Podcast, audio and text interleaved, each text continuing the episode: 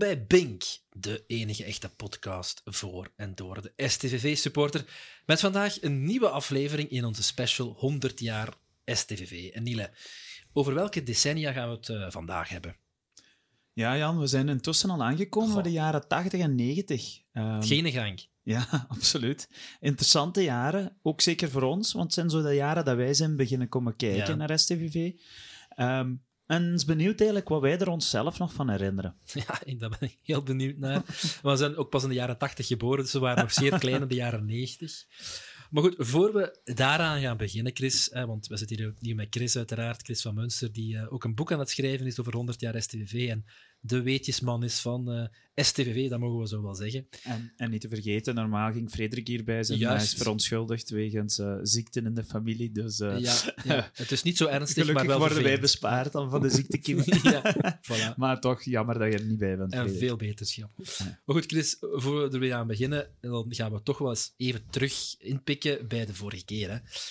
We hadden toen onze Golden Sixties besproken.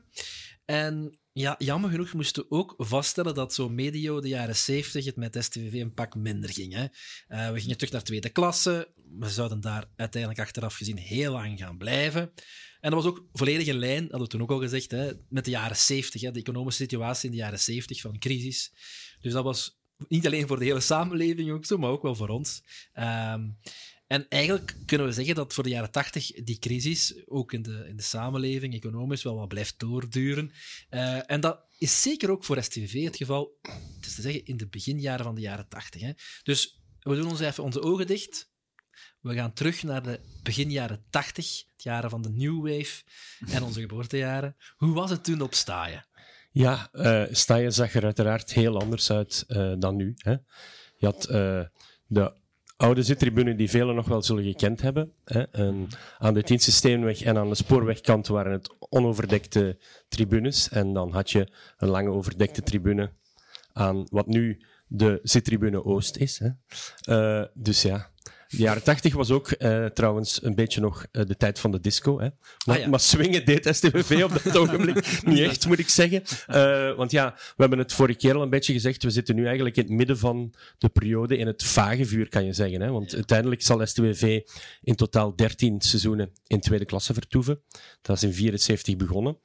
En uh, ja, dat trekt zich dus nog voor een stuk door in de jaren 80 tot bijna eind jaren 80, wanneer het eindelijk terug uh, beter gaat met ons STVV. Hè. Maar ze zijn dan toch wel lang. even door diepe dalen gegaan daarvoor. Ja, ja.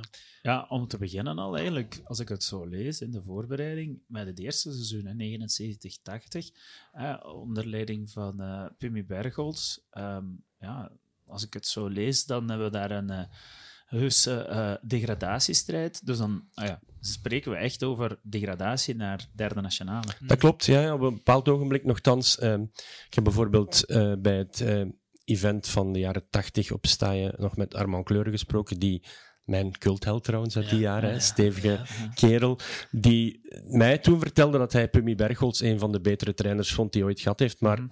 bon, Bergholz haalde geen punten en op een bepaald ogenblik, als je in puntenood komt, dan wordt het stressen. Hè? En STWV stond tegen het einde van dat seizoen, 79-80, in een situatie dat ze eigenlijk hun twee laatste thuiswedstrijden echt wel moesten winnen om niet, helemaal, niet, niet, echt in de problemen te geraken. En een van die thuiswedstrijden was tegen Hoeselt VV. Die waren het jaar ervoor gepromoveerd. Hoeselt, uh, straf eigenlijk, Hoeselt. Nu lijkt dat zo'n, ja, en waarschijnlijk ja. ook is, een provinciaal ploegje. Ja. Ja, ja, dat klopt. Hè. Uh, maar toen ja, was dat toch wel... Ja, ze stonden wel ook wel mee onderaan. En STWV mm -hmm. komt 0-2 achter op eigen veld bij, uh, bij de rust hebben ze gelukkig alweer 2-2 gemaakt en uiteindelijk winnen ze 4-2. Okay. Bij datzelfde Hoeselt VV uh, stond toen ene Wilfried Sleurs in verdediging. Ah, okay. uh, dat is een naam, naam die iedere supporter van STVV wel zal kennen, wegens zijn jarenlange staat van dienst. Die zal het seizoen daarna ook overstappen van Hoeselt naar STVV, okay. als Hoeselt zelf degradeert. Maar toen al, want ja, ik heb die nog zien spelen ja, ja. Vooruit, maar begin ja, ja, die is dus van begin jaren 80 tot, uh, tot een stuk in de jaren 90 uh, heeft Wilfried uh, voor STVV gespeeld hè, in de verdediging. Dus die stond toen nog aan de overkant. STVV wint die match, waardoor Hoeselt al zo goed als zeker veroordeeld is. Maar helemaal zeker was STVV nog niet met die winst. Nee. en gelukkig winnen ze de thuismatch daarna tegen Diest ook nog vlot met 4-0. Oef, maar het heeft En eigenlijk niet veel gescheeld. Het heeft Nee, eigenlijk niet veel nee, gescheeld, nee. want als je daarover nadenkt, ja, het zijn soms ja, details. Twee matchen die eigenlijk voor, ja, kunnen beslissen voor de rest van de geschiedenis van de club. Hè? Want als je naar derde klasse zakt. eh, Ja, het klopt. was al niet gemakkelijk toen, want er was niet alleen sportieve perikelen, maar er waren ook eh, financiële perikelen. Hè? Ja, dat was eigenlijk het grote probleem. STWV zat dus ondertussen al eh, een zes, zestal seizoenen in tweede klasse. Hè, met nog steeds redelijk dure spelerslonen en ook teruglopende publieke belangstelling uiteraard. Hè, dus er waren minder toeschouwers. En dus ja, kwam er toch wel, eh, bouwden zich toch wel een beetje eh, financiële zorgen op. Hè. Er hingen wat donkere wolken over staaien. En dan is men met de oplossing gekomen van om te bekijken of men het terrein, het stadion, is- van- was nog steeds eigendom van de club op dat ogenblik, Ah, ja. of men dat kon verkopen aan, eh, aan de stad Sint-Truiden. hè. Eh, en dat is dan uitgewerkt door een aantal bestuursleden en uiteraard chef Kleren, die eh, op dat ogenblik hè, Ja. eh, zowel bij STVV als aan de stad eh, een en ander voor, voor het zeggen had. hè. Dat kan deuren. Hij, wa- hij Ja. was, hij was toen burgemeester. Eh, ja, dat Ja. klopt. Ja. Hij was toen burgemeester, ja. Eh, nu, hij moest natuurlijk ook nog rekening houden met oppositie en zo, maar eh, uiteindelijk eh, heeft hij het erdoor gekregen, ook samen met onder andere Vre Vreven. Chef regelde dat wel. hè. Ja, ja. Eh, en eh, de stad Vreven heeft op, heeft, heeft op dat ogenblik eh, 19 eh, miljoen Belgische franken eh, betaald om Staaien in eigendom te krijgen. En dan is er een huurovereenkomst opgesteld voor langere termijn met STVV. Dus 19 miljoen eh, franken, dat is ongeveer 775.000 euro. Niet dat ik zo Zeer goed kan tellen. Ik heb het goed al eens op voorhand berekend, want eh, wiskunde Achtel. is niet mijn voor, maar, maar bon. Eh, ja, dus ja. En daarmee waren dan toch de, de, de eerste financiële zorgen eh, van de baan. Ja, dat dan spreken we over 11 augustus 1980. Ja, 11 augustus 80, dus helemaal in het begin van de jaren 80. Wat, wat ik daarbij op wou merken was van, eigenlijk is het dan ook de laatste keer geweest dat Sint-Truiden, verbeter me als ik verkeerd ben, maar dat de club eigenaar is geweest van het stadion. Ja, dat klopt. Dat Van- dus van in, het veld. Van het veld. Dat is, dat is dus in 1926, en nu gaan we helemaal terug naar Ja. onze eerste aflevering, geschonken door eh, suikerfabriek Mellaerts aan STWV. En Staaien is dus van 26 tot 80 altijd in het bezit van de club geweest. Ja. En daarna dus... eh, Vanaf 80 dus is het het stedelijk stadion, dus eigendom van Stad Sint-Truiden. En we weten wel wie daarna nog eigenaar wordt, maar nu lopen we heel ver vooruit. Ja, absoluut, absoluut. Dus, want er moet nog heel veel gebeuren. Ehm, en misschien een kleine exotische uitstap. Want, Absoluut. Niele, want wat gebeurt er daar? Ja, er, er duikt terug een figuur op in, in ons overzichtje, ehm, die we al eerder aan, eh, aan bod hebben gekregen, hè, onder, in de vorm van eh Remo Goedals. Eh, in, in 8081 zorgt die voor iets speciaals, toch, mogen we zeggen? Ja, klopt. Eh eh, Ramon was op dat ogenblik, eh, werd die coach in Brazilië. Bijzonder, dat wist ik Eh, niet. hij was al eens, ja, hij- heeft ook te maken met, met toen het omkoopschandaal in Standaard, dat hij eigenlijk in het buitenland is beginnen coachen. Ah, hè. Het omkoopschandaal sta, eh, Standaard Waterschei. We gaan daar niet te veel over uitweiden. Nee. Mensen die daarin geïnteresseerd zijn, die kunnen dat nog wel eens opzoeken. Hè, maar dus Raymond was al eh, in een aantal andere landen coach geweest en trok nu naar het verre Brazilië. En hij was al eens een keer daar geweest en kwam nog eventjes terug naar België. In het gezelschap van twee voetballers die oorspronkelijk voor AA Gent zouden bedoeld geweest zijn, maar omwille van zijn eh, sympathie eh, voor onze club, hè, waar hij toch zijn eerste stappen, of niet zijn eerste stappen, maar zijn belangrijkste ontwikkeling heeft gekend als, als trainer, ehm, zorgt hij ervoor dat die twee eh, aan de slag komen, aan de slag geraken op staaien. En dus, en dat was ehm één zwarte, één zwarte spits, Jair Pereira, en een, meer blanke Braziliaan, Giorgi, Antonio Giorgini. En dat was een, meer een, een aanvallende middenvelder, een spelmaker. Eh, en ja, die mannen komen op staaien terecht, maar in een, in een situatie die helemaal niet professioneel is. Hè, want de meeste hier waren, waren dan semi-profs of zelfs amateurs. Hè. En die hadden de ganse dag niks te doen, behalve in de stad een beetje rondhangen en dan s'avonds te gaan trainen. Ehm, nu, die Giorgini kon wel een beetje voetballen en eh, die komen we ook nog wel een paar keer tegen eh, in eh, de periode dat, dat het iets beter gaat. Eh, Maar echt lang hebben de twee het niet uitgezongen eh, bij STWV. Geen Dus- goddelijke Canaries. Eh, nee, het waren niet echt, echt goddelijke Canaries. Eh, dat, dat klopt, ja. Ehm, Ja. Maar dus die, die, want ik, heb, ik had er eigenlijk eerlijk gezegd nog nooit van gehoord. Ik ook dus, niet. Ik ook Nee? dus, nee. Maar goed, dat is natuurlijk van, van voor onze tijd, zeg Ja, maar. klopt. Goed, maar goed, we zijn dan aan 80-81. Het stadion, of het, ja, het veld is van, is van de stad geworden. Ehm, maar- Wat ja, Ja, maar, misschien een belangrijke stap, dat is dat eh, uiteindelijk zoeken we naar een eh schokeffect en eh, wordt Bergels de laan uitgestuurd. Ja, dat klopt. Ja. Dus uiteindelijk eh, hadden we weer een moeilijk seizoen en eh, beslist men van Bergels te vervangen door nog een bekende naam in, in eh, Sint-Truiden, Albert Bers. Hè. Albert Bers was in de jaren 50 en 60 speler bij STWV, hè, dus ook nog in de, in de gouden Mhm. jaren 60 eh, meegespeeld. En die was ook, al, was ook al een redelijk succesvolle coach. Hè. Onder andere ook de nationale militaire ploeg heeft hij eh, lange tijd geleid, maar hij had ook al bij een aantal clubs successen. En hij neemt over van ehm, Bergholz en hij redt zich vrij vlot Ja. dat seizoen, of hij redt STWV vrij vlot dat seizoen. En het seizoen erna eh, wordt het helemaal een blitzstart van de competitie. Dus we spreken nu 81-82. Want eh, STWV wordt eerste periode kampioen. In de eh, eerste tien wedstrijden, Oh ja. je weet, de periodekampioenen, die mochten dan aan de eindronde meedoen eh, voor promotie. Dus dat was al... Ze namen echt een blitzstart, STWV. Ze wonnen eigenlijk eh, al hun matchen. Behalve tegen Beerschot, dat net gedegradeerd was. Die waren op Staaien een echte topmatch komen spelen. Beerschot was eigenlijk gedegradeerd dat seizoen omwille van een omkoopschandaal. Dus in principe moest Beringen, moest Beringen degraderen, maar Beerschot had gevoeteld eh, en eh, moest, werd dus gestraft. Nu, dat, dat heeft heel lang geduurd, want zij hadden eigenlijk in het begin, als STVV al een wedstrijd of twee gespeeld, nog geen match gespeeld. En, ja, dus die konden dan aan een inhaalrace met ons beginnen. En die kwamen ook vrij vroeg, ik denk de derde thuismatch of zo, kwamen die op Staaien terecht. Eh, in een eh, uiteraard terug afgeladen vol Staaien, want eh, de truienaren hebben niet veel nodig om een beetje enthousiast te worden. hè.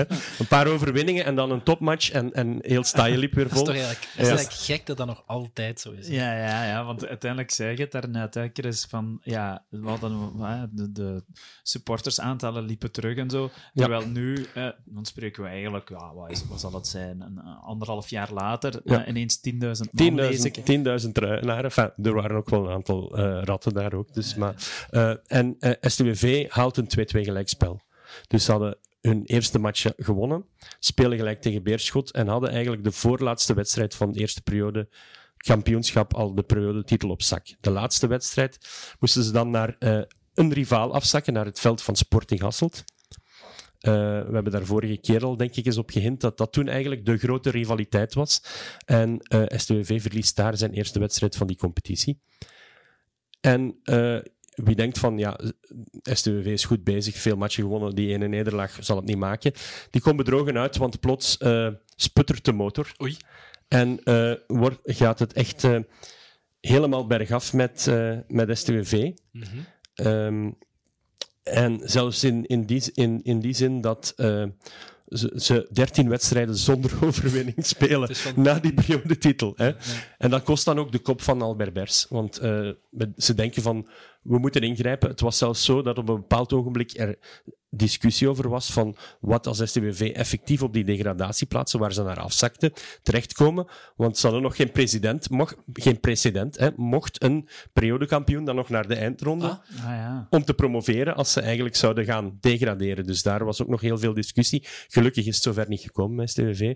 Ze halen een zekere Wilfried van Moer binnen. Ah, Bekend figuur. Bekend in het Bekend Belgisch figuur voetbal. in het Belgisch voetbal. Hè. Dus, eh, een van de grote namen in het Belgisch voetbal. Als eh, vervanger voor Albert Bers. Eh, met ook het idee van hem speler-trainer te maken. Maar op dat ogenblik, als hij e- eerst overneemt als trainer, lag hij nog onder contract bij SK Beveren. In eerste klasse.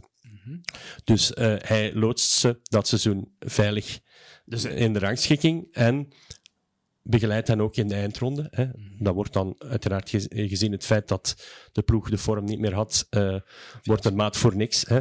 Maar het seizoen erna begint dus eh, Wilfried van Moer als speler-trainer aan het seizoen. Ja, Maar, als ik het, dus hij heeft hier ze begeleid, maar hij was wel nog speler bij Beveren dan. ja maar echt, echt veel. Hij speelde nog wel wedstrijden bij Beveren, maar hij kwam niet altijd nog aan de bak. Ah maar hij was oké. dus En dan gaat hem naar hier, komt hij naar hier als spelertrainer. Ja, dat klopt. Hè. En dat is trouwens eigenlijk vlak na het WK in Spanje, waar hij ook nog uh, Ja, ja, ja, meegespeeld heeft. Hè. Dus ja, Oh ja, dat, dat is, ja dat is WK in Spanje was spreken, 1982, ja. dus eh, ja, dan gaat hij eigenlijk eh, op Stijn aan de slag. En eh, hij speelt eigenlijk nog wel heel goede wedstrijden op het Truinse middenveld ook. Speelde ook wel niet altijd, was zelfs soms ook als coach nog wat. Maar als de nood hoog werd, eh, kwam Wilfried weer eh, met zijn shoes aan het veld op. En dat, dat hielp altijd wel een beetje. Ja, ja. Eh, hij kreeg trouwens ook nog een exotische vogel eh, onder zijn hoede in die periode. eh, want eh STV trekt een Zuid-Koreaan aan. Oeh, dat is niet... Dat de- zal toch wel Ja. de eerste Zuid-Koreaan voor ons geweest. Ja, ja, en dat was een beetje ook in de trend, want in die tijd had je in de Bunde- Bundesliga had je ehm, bij Frankfurt eh Boom Kun Cha. Dat was een vrij bekende en zeer goede aanvaller uit Zuid-Korea. En STWV dacht de nieuwe Boom Kun Cha gevonden te hebben in een zekere Yongwong Park. Ah, Park, dat is nieuw voor Ja. Park is een, een, een vrij frequente naam. In, is eh, zo de Janssens. ja, Lee en Park, hè. Ja, hebben we allebei al gehad bij STWV. En dat zijn zo wat de frequente namen daar. Nu, eh Yongwong Park eh, blijkt niet echt, niet echt een, een topspeler te zijn. Blijkt geen nieuwe Boom te zijn. Eh, het, het is zelfs zo dat eh, velen onder jullie zullen misschien nog wel de cartoons kennen van vroeger uit het clubblad van eh, Frans van Rompuy onder, de, Ah, onder ja. pseudoniem Snarf. Ja, ja, Die had er een van gemaakt met een tekening van de Koreaan met een verpakking rond en dan zo Wong Park, Wrong Pack, vraagteken.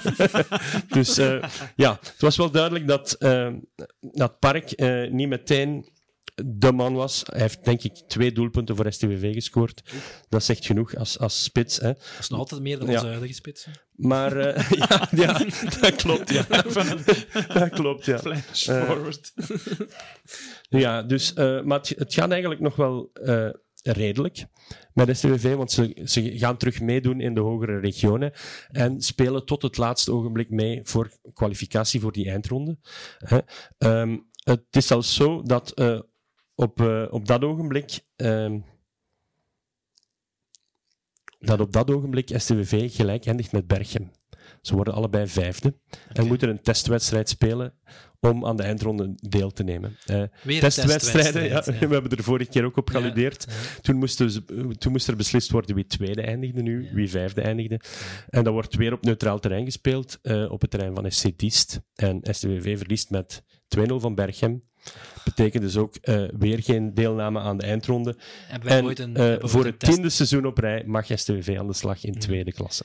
Ja, dat is het tiende seizoen. En hebben wij ooit eigenlijk een testwedstrijd gewonnen? ik heb de indruk dat wij alleen maar testwedstrijden verliezen. Die, tw- die twee en tweede die zijn, die zijn verloren gegaan. Net als de eindrondes, die ook niet echt ehm, schitterend verliepen. Hè. Nee. Zeg maar even stoppen, want eh, eh, stilstaan liever. Tien seizoenen tweede klasse, ik kan me niet herinneren. Allee, zolang ik naar de voetbal ga, het is toch wel uitzonderlijk voor STVV, hè, die Nee, tien. het zijn worden er dertien, meer, het hè, worden er dertien. Ja, maar ik wil zeggen, tien is al... is dat, ik kan me dat niet voorstellen. Als je nu tien jaar in de tijd Ja. teruggaat... En plus, als je het zo hoort, al zeker op het begin, eh, was het zo wel zelfs flirten met degradatie Ja. naar derde. Ja. En als ik het zo maar een beetje lees, het gaat zo wat op en af. Hè. Af en toe komen we eens maar mee, maar dan tijdens het seizoen gaat het weer minder. Het is echt zo, ja, heel veel ups en downs. Hè. Ja, nu, naarmate de jaren vorderen, gaat het iets beter. Hè? Ehm, en ze denken bij STWV ook, Wilfried van Moer stopt hè?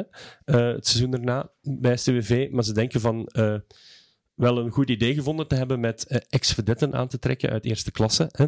En ze komen terecht bij Laszlo Fazekas van FC Antwerpen. Hè? Ja, een, dat is een ook bekende bekend naam. figuur. Ook hè. een topspeler, hè? in de tijd bij Hongarije. En Ik denk heel, heel veel interlands gespeeld, ook op het WK 82 aanwezig. Oh ja. En eh Laszlo is, als hij naar Sint-Truiden komt, denk ik 34, dus ook in zijn nadagen. Zou die misschien, op de, eh, even tussendoor, maar zou die, is dat die, die bekende penalty goal, eh help mij, Zo die, jawel, nee, was hem daar niet bij? Dat weet ik niet. Wat wel was, was die man met, met de snor niet. Ja, ja, ja. En met zo'n Ja. heel bekende Ja, ja, ja. Ja. ja. Oké, oké. ja. Nu, eh Fazekas liep niet veel meer, maar had eigenlijk een, een fantastische traptechniek. Hè. Eh, je zou eigenlijk kunnen zeggen dat hij zich parkeerde in de middencirkel, maar van daaruit wel met de, met de passen strooide. Echt wel, eh, echt wel nog indrukwekkend. Hè. En dan, Eh, dan is het in het jaar 84, 85, denk ik. Hè? Ja, dat klopt. Ah, dat is het ja, jaar 84, 85. Ja. Eh, met onder andere aan de top RWDM en Racing Mechelen. RWDM net gezakt. Hè. En Racing Mechelen die, die deden ook mee voor, voor de titel. En STVV stond ook wel in de, in de subtop. Hè. ehm, was weer mee, mee aan het concurreren voor eh, de eindronde. Mhm. En ehm, op een bepaald ogenblik wordt het weer kantje boordje. Hè. We hebben net, net al een seizoen gehad dat we er net niet geraakten. Eh, nu kwam STVV op een bepaald ogenblik op het veld van FC Diest op achterstand. Again, ja. Eh, op achterstand 2-0. 2-0. En iedereen denkt bij de fans, ik herinner mij dat zelf nog levendig, eh, dat het over was. Hè. Op dat ogenblik eh, begint er een, een, een zwaar onweer boven Diest. Eh, dus dat maakt het nog wat indrukwekkender. hè, want op dat ogenblik, ik denk dat Laszlo misschien door de bliksem getroffen was. Want hij brengt eigenlijk in, bijna in zijn eentje eh STVV met één assist en met een fantastische vrije trap terug tot 2-2. En eigenlijk terug richting, eh, op weg naar de, naar de eindronde. Hè. Ehm, ook een aantal jongere spelers begonnen toen al de, de, de neus aan het venster te steken, want in die wedstrijd was bijvoorbeeld Erwin Koenen. Ook Ah, eh, ja, ja, aan de aftrap. Hè. ja. Eh, en dan was het de laatste wedstrijd nog kijken van eh, halen we het of halen we het niet. En ze halen het uiteindelijk wel. Ook omdat eh, een aantal andere ploegen het af laten weten. En die eindronde begint met een dubbel duel tegen Racing Mechelen. Op het veld van eh, Racing Mechelen eh, winnen we. Mhm. En ook thuis winnen we met 2-0. Dus we beginnen eigenlijk met een perfect rapport aan die eindronde. Oké. Eh, waarin dan ook nog eh Charleroi en Winterslag deelnamen. Maar je gaat waarschijnlijk vertellen dat we het toch niet gaan halen, want... We halen het niet, nee. nee we halen het niet. Maar- Nog, nochtans liep het tegen Charleroi thuis. Speelden ze een vrij goede wedstrijd, maar die gaat verloren. Hè? Maar die eindronde gaat dan in zo'n knock-out systeem zeker niet? Nee, nee, dat is in een Ah. mi- mini-competitie. Ah, dat is een mini-competitie, ja. Dus uiteindelijk haalt, haalt Charleroi het hè? eh, in die eindronde. Oké. Ik las hier ook even een, een, een, een beetje eh, dat er eh, in een van die matchen ook extra vrouwelijke steun was via gratis toegang voor de dames. Oh. Dat, dat was eigenlijk een ladies' night avant la lettre. Ja, Dat zo, kan, zo, kan je het wel, wel, eh, wel noemen. Ja, dat klopt. eh, dat klopt. ja. Ja. Binnenkort terug. Dus ja, eindronde gehaald, maar ja, weer niet gepromoveerd. Hè? Weer al niks. Dus eh, ja. Ehm, ze denken, ja, Laszlo Fazikas neemt afscheid en die wordt trainer bij, ik dacht Eendracht als, als ik me niet vergis. Eh, ze denken van, ah, Vedettes, dat heeft gewerkt en ze gaan op zoek naar nog iemand met eerste klasse ervaring en komen bij FC Serrain terecht en vinden daar de spelmaker Ido Cremasco. Ah, Cremasco. Dat is een naam die ik nog nooit had... Allee, die ik wel al op het forum heb gelezen van STVV van iemand. Maar ik dacht dat het een soort ijscrème was. Maar het is blijkbaar een speler. Dus, dat, was eh, dus, ja, dat was dus een speler en dat is eigenlijk de eerste mislukte van de drie, kan je zeggen. Want Van Moer had eigenlijk nog eh, heel veel eh, bijgebracht aan de club, Fazikas ook nog. Maar met Cremasco loopt het niet zo vlot. Hè. En dat seizoen eh, loopt het voor STWV aanvankelijk nog goed, maar daarna ook weer, weer wat minder. Hè. Want het seizoen opent met een knaller, en dit keer letterlijk, Jan en Niele. Een knaller. Een knaller, ja. Dus, eh, Beruchte verhaal. Ja, hij. de kalendermaker had eigenlijk eh, een ideale openingsmatch voorzien, want het was de thuisderby tegen Sporting Hasselt, die als eerste op het programma stond. Sowieso explosief. Hè? Ja, ja, sowieso explosief. Maar STWV had, was in die tijd al terug eh, iets beter dan Sporting Hasselt, gelukkig. Want ze seizoen ervoor ook regelmatig gewonnen. Ook onder, onder impuls van een jonge Danny Boffin, bijvoorbeeld. Ah, die was toen ook Ja. Ja. En, en niet te vergeten, voor misschien voor de luisteraars nu, ja, ja, Hasselt zit in tweede nationale, wat het vierde niveau is. Maar een paar jaar daarvoor hebben die eh, nog eens een jaar in eerste gespeeld. één seizoen in eerste gespeeld. ja. Weliswaar met het laagste record ooit eh, in eerste. Ja. Het, aantal, het laagste aantal punten ooit in eerste. Dat klopt, onder leiding van Guy Mangelschots Ah, ja, als, juist. coach. Ah, Ja. Juist. Ja, enfin, Guy wa- mocht dan het seizoen beginnen en Ja, haalde, denk, heeft zes van de tien punten gehaald, denk ik. En daarna zijn ze van trainer gewisseld en eh, is het niks meer geworden.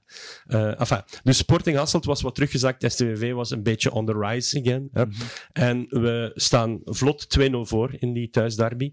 Eh, dus ja, wedstrijd lek gespeeld en kabbelt een beetje voort. Tot op een bepaald ogenblik er een heel luide knal komt. Oei. Er was namelijk in een van die hotdogkraampjes die toen nog naast de staantribune stond, eh, een gasfles ontploft. En je ziet dus ook een steekvlam uit, dat, uit eh, de hotdogkraam komen. En de meneer die daar hotdogs verkocht heeft, gelukkig eh, zich op tijd kunnen uit de voeten maken. Maar je voelde, ik zat toen als klein ventje naast mijn vader op de hoofdtribune, je voelde de hitte gewoon tot op de tribune.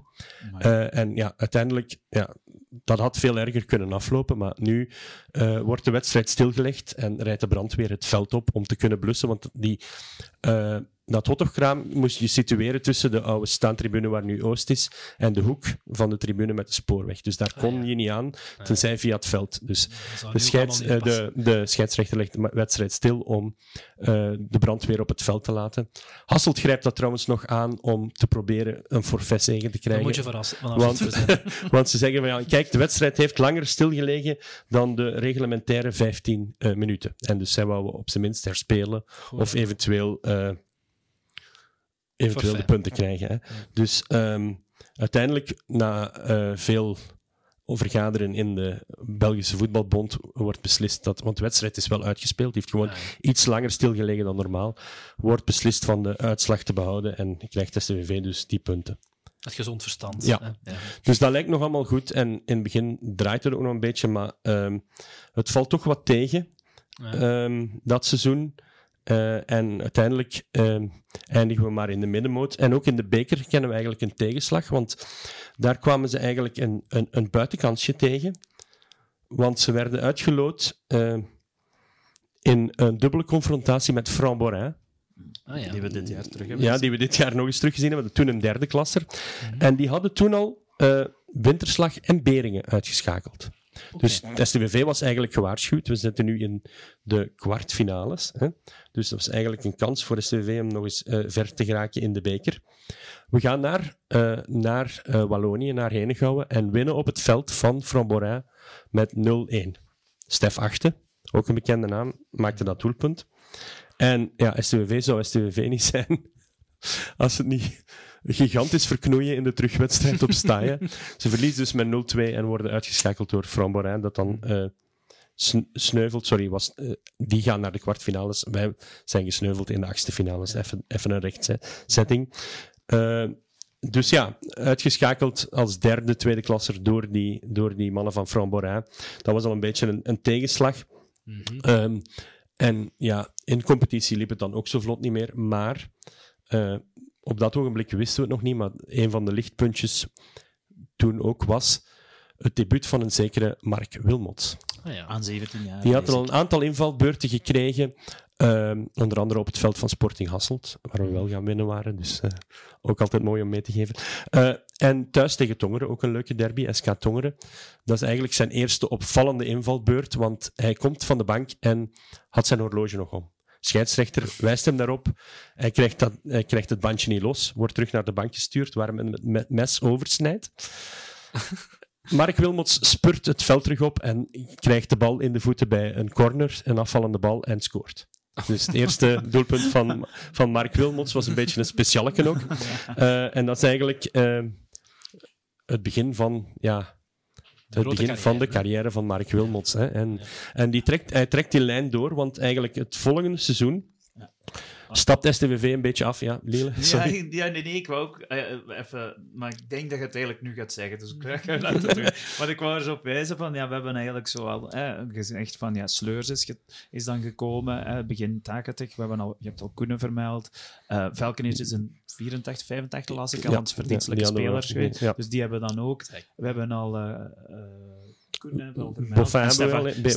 Boffin hebben Ja. En nu komen dus Wilmots. Hè. De, ploeg, ja, de ploeg eigenlijk die, eh, we zullen later zien, uh, ons eigenlijk wel succes gaat, en nu gaan we het zien, maar ook later nog, op, in de begin jaren 90, ook nog wel succes ja. gaat brengen. Ja, ja we, komen, we komen eigenlijk nu op dat punt. Hè.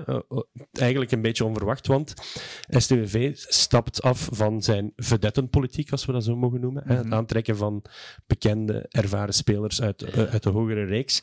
En uh, gaat uh, volledig voor eigen jeugd. Hè. Okay. Nu, we hebben Koenen en Boffaal genoemd. Hè. Op, de, op dat ogenblik uh, breekt ook een, een zekere Alain Petermans door, bijvoorbeeld. Gunter ja, Jacob. Hè.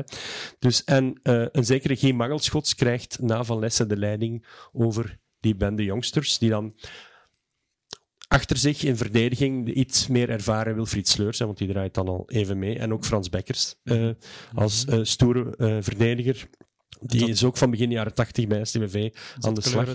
En Armand Kleuren. hè. Armand Kleuren was eigenlijk al... Armand Kleuren is eigenlijk geëvolueerd van een aanvaller, begin jaren 70 nog bijna topschutter geweest van de STVV in tweede, eh, naar een, een beenharde verdediger. Hè. Eh, en dus dat zijn dan de mannen met ervaring die het jonge geweld een beetje mee sturen in de juiste richting. En dat bleek dus de, de goede mix. Hè. Want STVV gaat onder Mangelschots in het begin nog... eh, ja, in het begin, de eerste wedstrijd, laat Wilmots weer van zich spreken. Want we spelen eh, thuis tegen het net gedegradeerde Torwaterschei. Eh, ook die komen eh 0-2 voor op, sta op staaien, net zoals daarnet met Beerschot. Twee doelpunten van een IJslander die bij Waterschei speelde, en zeker een Mark Gerson. In, ieder geval, eh, Mark Wilmots dacht, wat hij kan, kan ik ook. En bij zijn invalbeurt scoort hij twee keer. En sleept dus tegen de favoriet en de net, het net gedegradeerde Torwaterschei meteen een punt Eh, uit de branding hè, voor, voor STWV. Hij zou ook niet meer uit de ploeg verdwijnen daarna. Eh, en wordt eigenlijk een vast spitsenduo met Stef Achter, die dus het seizoen ervoor al eh, gearriveerd was en al redelijk in de smaak viel toen bij de STWV-fans, omwille van zijn stijl, hè, die totaal paste bij, bij de Canaries ook. Hè, eh, de hardwerkende spits. Hè. Ja, zien we en hier Wilmot graag. waarschijnlijk ook wel. En, en Wilmots ook een beetje, hè? Ja. Ja. Dat Kampfschwein is het erna geworden, hè? Dus Ja, ja, ja, ja. totaal in de, in de stijl van, van Staaien, mogen we wel zeggen. Hè? Dus ja, ehm STVV het begint nog wat aarzelend, want ze verliezen ook nog van Lierse in die, begin, in die aanvangsfase van de competitie, die ook net uit eerste kwamen. Hè? Eh, maar daarna is de trein vertrokken en ehm, gaan ze echt, en dan pakken ze eh, de tweede eh periodetitel. Hè. Ze halen op een bepaald ogenblik eh 13 wedstrijden zonder eh, nederlaag, hè, met een 20 op 26. St- Stonden ze in pole position. En toen waren er nog twee, Twee punten. Twee eh, punten, ja, ja. Het was in pole position voor de tweede periodetitel. In concurrentie met, eh, met, met FC Winterslag. Want Winterslag eh, moet op die, eh, op die dag, op die speeldag, normaal gezien ook spelen. Maar de wedstrijd wordt afgelast en STVV moet op het veld van FC Assend. Op een dikke sneeuwlaag eh, Ex-ploeg aan de slag. Wie de andere podcast van ons luistert. Ah. De ex-ploeg van, of, of de ploeg waar Eddie Dirks is doorgebroken. Waar- klopt. Waar wij hem van eh, hebben getransfereerd. En ik weet nog, eh, de- want je spreekt van ehm eh, felle win, neerslag. Winter, ja. En ik weet dat papa, Sneeuw, ik denk ja. dat mijn papa zelfs daar naartoe is geweest. En dat dat echt, ja, dat is zo'n historische, maar ik denk dat er beelden van zijn. En dan ben ik niet, ja, oh, dat is echt zo'n historische moeilijk, match. Ja. ja, het was echt wel heel moeilijk, maar Mark Wilmot scoort de enige treffer. Mhm. En eh STVV haalt de tweede periodetitel boven. En gaat dan volle stoom door, hè, want naast eh, Winterslag was ook nog een eh, Racing Harelbeke eh, mee aan het draaien in de top. En dus een van de topduels wordt op het veld van Harelbeke gespeeld. Daar is toen ook nog een reportage in Extra Time over gekomen. Met beelden, met, het prachtige doelpunt van Gunther Jacob van op afstand Ah, ja, trouwens.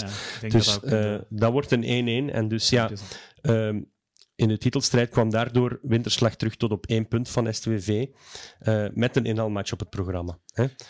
Dus ja, Chris, wat ik mij afvroeg, ehm, eh, we weten allemaal, en dat komt nog wel aan bod, waarschijnlijk straks, maar was er toen al zo'n eh, een beetje een eh, eh, ri- rivaliteit met dan Winterslag? Eh, ja, niet zozeer. Het was eigenlijk vooral dat seizoen, die, die concurrentie Ja. eh, die er was. eh, en, en die race, die, die maakte het wel ook zo'n beetje dat er tussen de twee ploegen... Want Ja. ze lieten echt elkaar van geen... Ja, ja, maar het is niet... ze losten niet, maar het was niet dat het zoals met Sporting Hasselt echt zo... Ja, het is niet... De- de- we hebben dat de- ooit... De rivaliteit was Voilà, of zo. Ja. we, hebben, we hebben ooit toen onder Brepels hebben we ook een, een echte titelstrijd gehad met Liers. Met Lierse zeker, Ja, hè? en dan heb je ook zo'n Dan zekere heb je ook spanning. wel hè. Ja. natuurlijk die spanning, hè? Ja, dat klopt. Dat klopt helemaal. Nu, op een bepaald moment moeten de twee ploegen elkaar treffen. Hè? Op het veld van, van Winterslag, hè, aan de Noordlaan eh, in Genk. En dat wordt echt eh, een epische wedstrijd. Hè? Dus ehm STWV eh, komt op voorsprong met een knal van Stef achter in de winkelhaak.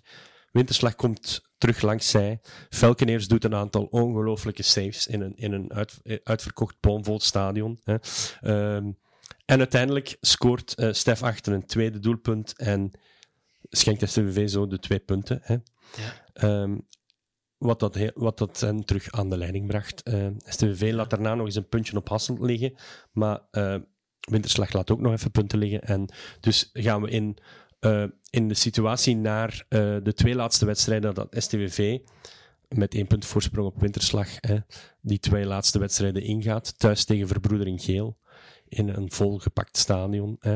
Ook daar waren bij, bij BRT nog beelden van met de trillende tribunes op het ogenblik dat er eh, gescoord werd.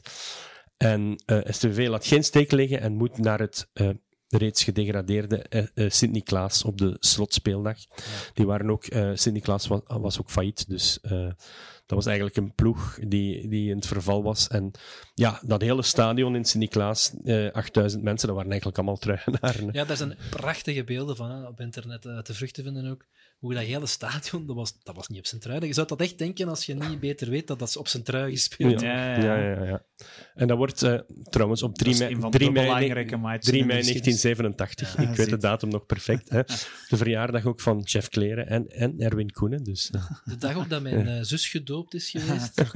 Ja, dat is waar, Jan. fantastisch. Want eh, mijn, mijn papa is niet naar het doopfeest geweest, maar wel naar Sint-Niklaas. er werd hem niet een dank afgenomen maar wel een goede beslissing. En niet een dank door de schoolfamilie, maar op dit ik- moment heeft hij er toch geen spijt Ik kan hem geen ongelijk geven. ja, ja. Dus ja, eh STVV wint die match vlot, vlotjes met 0-4.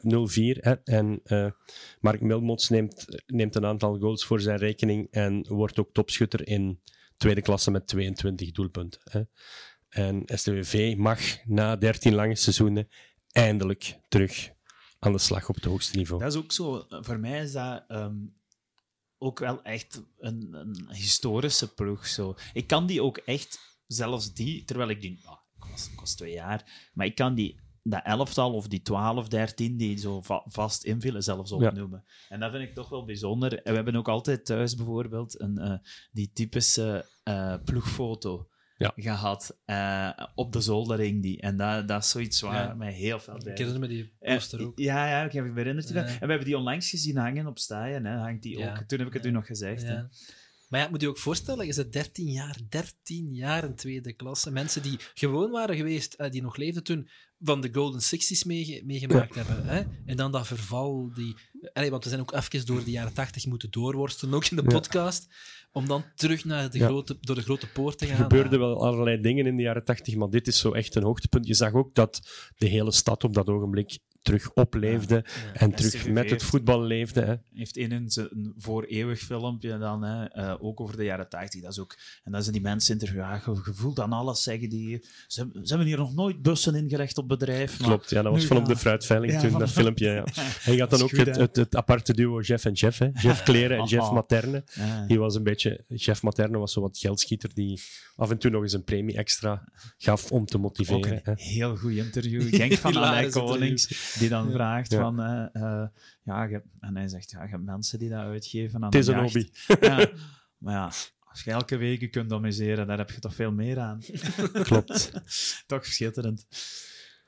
Ja, het, is helemaal, het wordt helemaal mooi hè, eh, bij de terugkeer van STVV op het hoogste niveau. Ehm, want ze, ze, eigenlijk ontdekken ze, herontdekken ze vrij en blij terug die eerste klasse. Hè.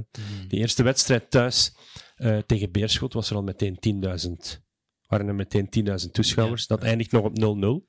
STVV pakt nog een puntje op Kortrijk, 2-2. Ze hadden ondertussen, dat moeten we misschien even erbij vermelden, Danny Boffin STVV verlaten eh, voor Club Luik. Hè. Eh, daar een contract gekregen.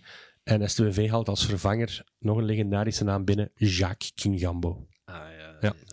Dat is eigenlijk een van de, de smaakmakers ook in die ploeg. Hè. En die ploeg wint eh, dan regelmatig en komt op een bepaald moment in oktober voor een tweeluik thuis tegen Club Brugge en uit naar Anderlecht. Hm, kan De twee topploegen uit, uit die periode, uiteraard. Thuis tegen Club Brugge trouwens, Jan, eh, is het voor het eerst dat er tralies op staan staan. Voor de Ah. veiligheid. Dus op dat ogenblik is er de omheining gezet. Ja. Eh, die moest af zijn, die moest absoluut af zijn voor het duel met Club Brugge. Kwam. Ja, en eh, dat duel wint STVV met 2-1. Eigenlijk met, eh, trouwens, die tweede goal is echt een prachtige om te zien. En de vertrekt op links achter bij Marek Djuba. Dat was een Poolse ex-international die ze gehaald hadden met veel ervaring. Want in die tijd mochten voetballers uit het Oostblok pas in de nadagen van hun carrière naar het Westen komen. Daar hebben ze eigenlijk nog wel een hele goede transfer aan gedaan, want die heeft ook nog een aantal jaren op hoog niveau in de verdediging Die een kruispas geeft op Renaat Koopmans, ook nog eigen jeugd, hè, rechtsbak. Die de lijn was afgespeurd, in één tijd voortrekt naar Wilmots, die met een duikelende kopbal scoort. Echt een fantastische goal om, om te zien. Renaat Koopmans is er ondertussen helaas ook niet meer. hè. Ehm, maar dus dat is eigenlijk iedereen in euforie. Hè. Het grote Club Brugge ge- geklopt. Hè. En ik herinner het nog, nog, nog mijzelf. Ik was dat jaar eh, aan mijn eerste jaar eh, hogere studies begonnen in Brussel. Dus ik had een aantal van de mensen die, daar, die ik had leren kennen, die voor Brugge waren, wel een ticketje bezorgd. Hè. Maar ik had dan gezegd, kom niet klagen als je verliest. dat blijkt dan ook. En dus eh, die maandag daarna ben ik die allemaal innige deelneming gaan wensen. En waren alle Anderlecht-fans met een smile aan het meelachen met mij. En ik heb hen toen gezegd van, ja, maar volgende week is het jullie beurt. En dat bleken eh, profetische woorden. Misschien nog iets minder profetisch dan die eh, spandoek die er in, in 86, 87 in Sint-Niklaas hing. Hè, Anderlecht open je ogen voor STVV ze sluit. Dat was geïnspireerd op eh, een AIDS- AIDS-campagne. Die zei van open je ogen voor AIDS ze sluit. Dat was... eh, dus op- Staaien- waren ze toen al terug aan het uitkijken naar dat duel met Anderlecht. Hè. En wat gebeurt er eh, in oktober eh 87, Jan? STVV trekt met 7000. een massa supporters naar Staaien. Hè. Heel veel bussen. Dat was toen ook nog staanplaatsen allemaal achter, eh, achter de goal in Anderlecht. En die waren helemaal gevuld. Hè. Ik hoor ik de Sadeleer nog ze- zeggen op de samenvatting. Sfeer alsof het een Europa Cup finale is. En die sfeer kwam er uiteraard omdat STVV weer won. Hè. Eh, door steekpasje van King Gambo naar Stef Achter, die de 0-1 maakt. Mark Milmots mist nog de 0-2 trouwens. Eh, maar Velkeneers pakt daar ook weer een ongelooflijke wedstrijd. Want we mogen die ook niet vergeten te vermelden als eh, toch een van de belangrijke figuren. Die pakt daar de wedstrijd van zijn leven, denk ik. En houdt STVV op 0-1. Heeft er, heeft er nog zo gespeeld tegen Anderlecht die we nog Ja, tegenkomen? klopt. Ja. Klopt, ja. Dus ja, uiteindelijk op, op twee weken tijd worden Anderlecht en Brugge geklopt. Hè. We zijn weer giant killers. hè? Absoluut, we zijn weer giant killers. Hè. En eh, ja, uiteraard blijven we niet winnen, maar we, eigenlijk presteren we wel voldoende. En na de winterstop eh, pikken, pikken we weer hier en daar wat puntjes mee en eindigen we op een mooie eh, tiende plaats eigenlijk. Hè. De 18, hè? Ja. Ja. Op de 18, ja, klopt. En wat dan ook nog belangrijk is te Dat vermelden, STVV was super populair. Hè. Iedereen was, zoals gezegd, iedereen leefde daar terug naartoe, naar die wedstrijden in eerste. En ze haalden dus eigenlijk de vijfde plaats in de toeschouwersaantallen, met een gemiddeld aantal toeschouwers van 11.941. Ongelooflijk, eigenlijk. hè. Ja, dat is uw Dat is, potentieel. hè. dat is indrukwekkend. Dat is indrukwekkend, hè, ja. En, en eh, was dat met Guy?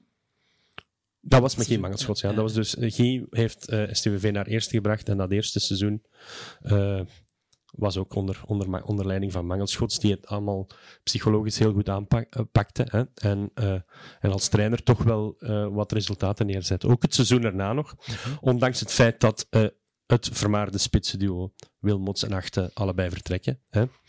STVV had aan de winterstop van dat seizoen al Ivan Svetkovic gehaald als spits. Die zal dan de rol een beetje overnemen, samen met een zekere Harry Knops. Vorige week nog de aftrap gegeven bij STVV Antwerpen, als ex-speler van beide clubs. Dus die gaan ze bij Antwerpen halen. En STVV draait weer een heel goede eh, competitie, hè, want ze eindigen uiteindelijk eh, achtste. Oh, ja. dat Ja. En ze, ze presteren eigenlijk wel heel goed. Nu, dat is ook het seizoen dat er een nieuwe club in eerste gekomen is. Want Winterslag had zich nipt gered het seizoen ervoor en fuseert met Waterscheid tot wat wij nu kennen als Racing Genk. Hè. Racing Genk doet het dat seizoen trouwens niet zo goed, want die degraderen meteen naar tweede.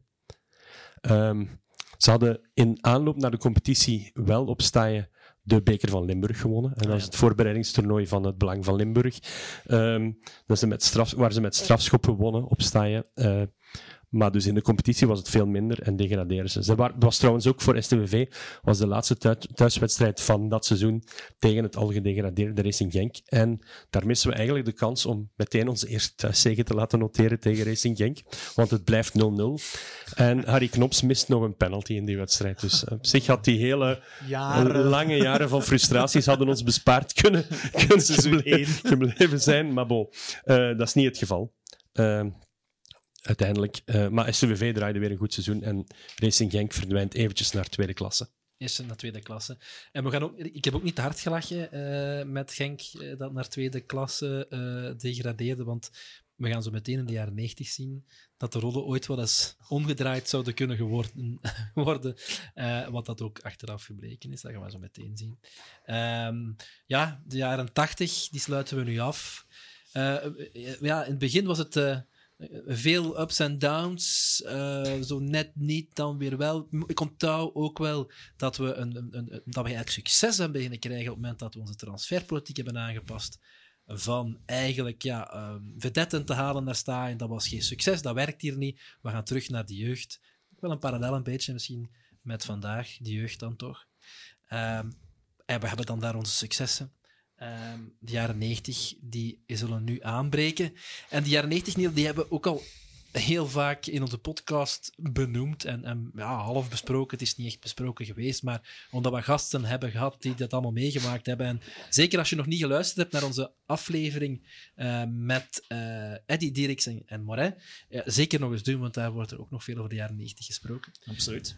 Maar vandaag gaan we dus toch ook met Chris terugblikken op de jaren 90. Hè? De economische ja, revival eh, ook in de samenleving. En, en op Sint-Truiden zou ik willen zeggen, dat is ook zo. Maar in het begin is dat helemaal niet zo. Nee, na, naar het einde van het decennium toe uh, zie je wel STVV weer groeien hè, in sportieve prestaties. Maar um, de ploeg die gepromoveerd was en de euforie die er rond was, gaat eigenlijk na een paar seizoenen uh, de ploeg niet meer kunnen meedraaien. Het was ook niet allemaal nog zo professioneel.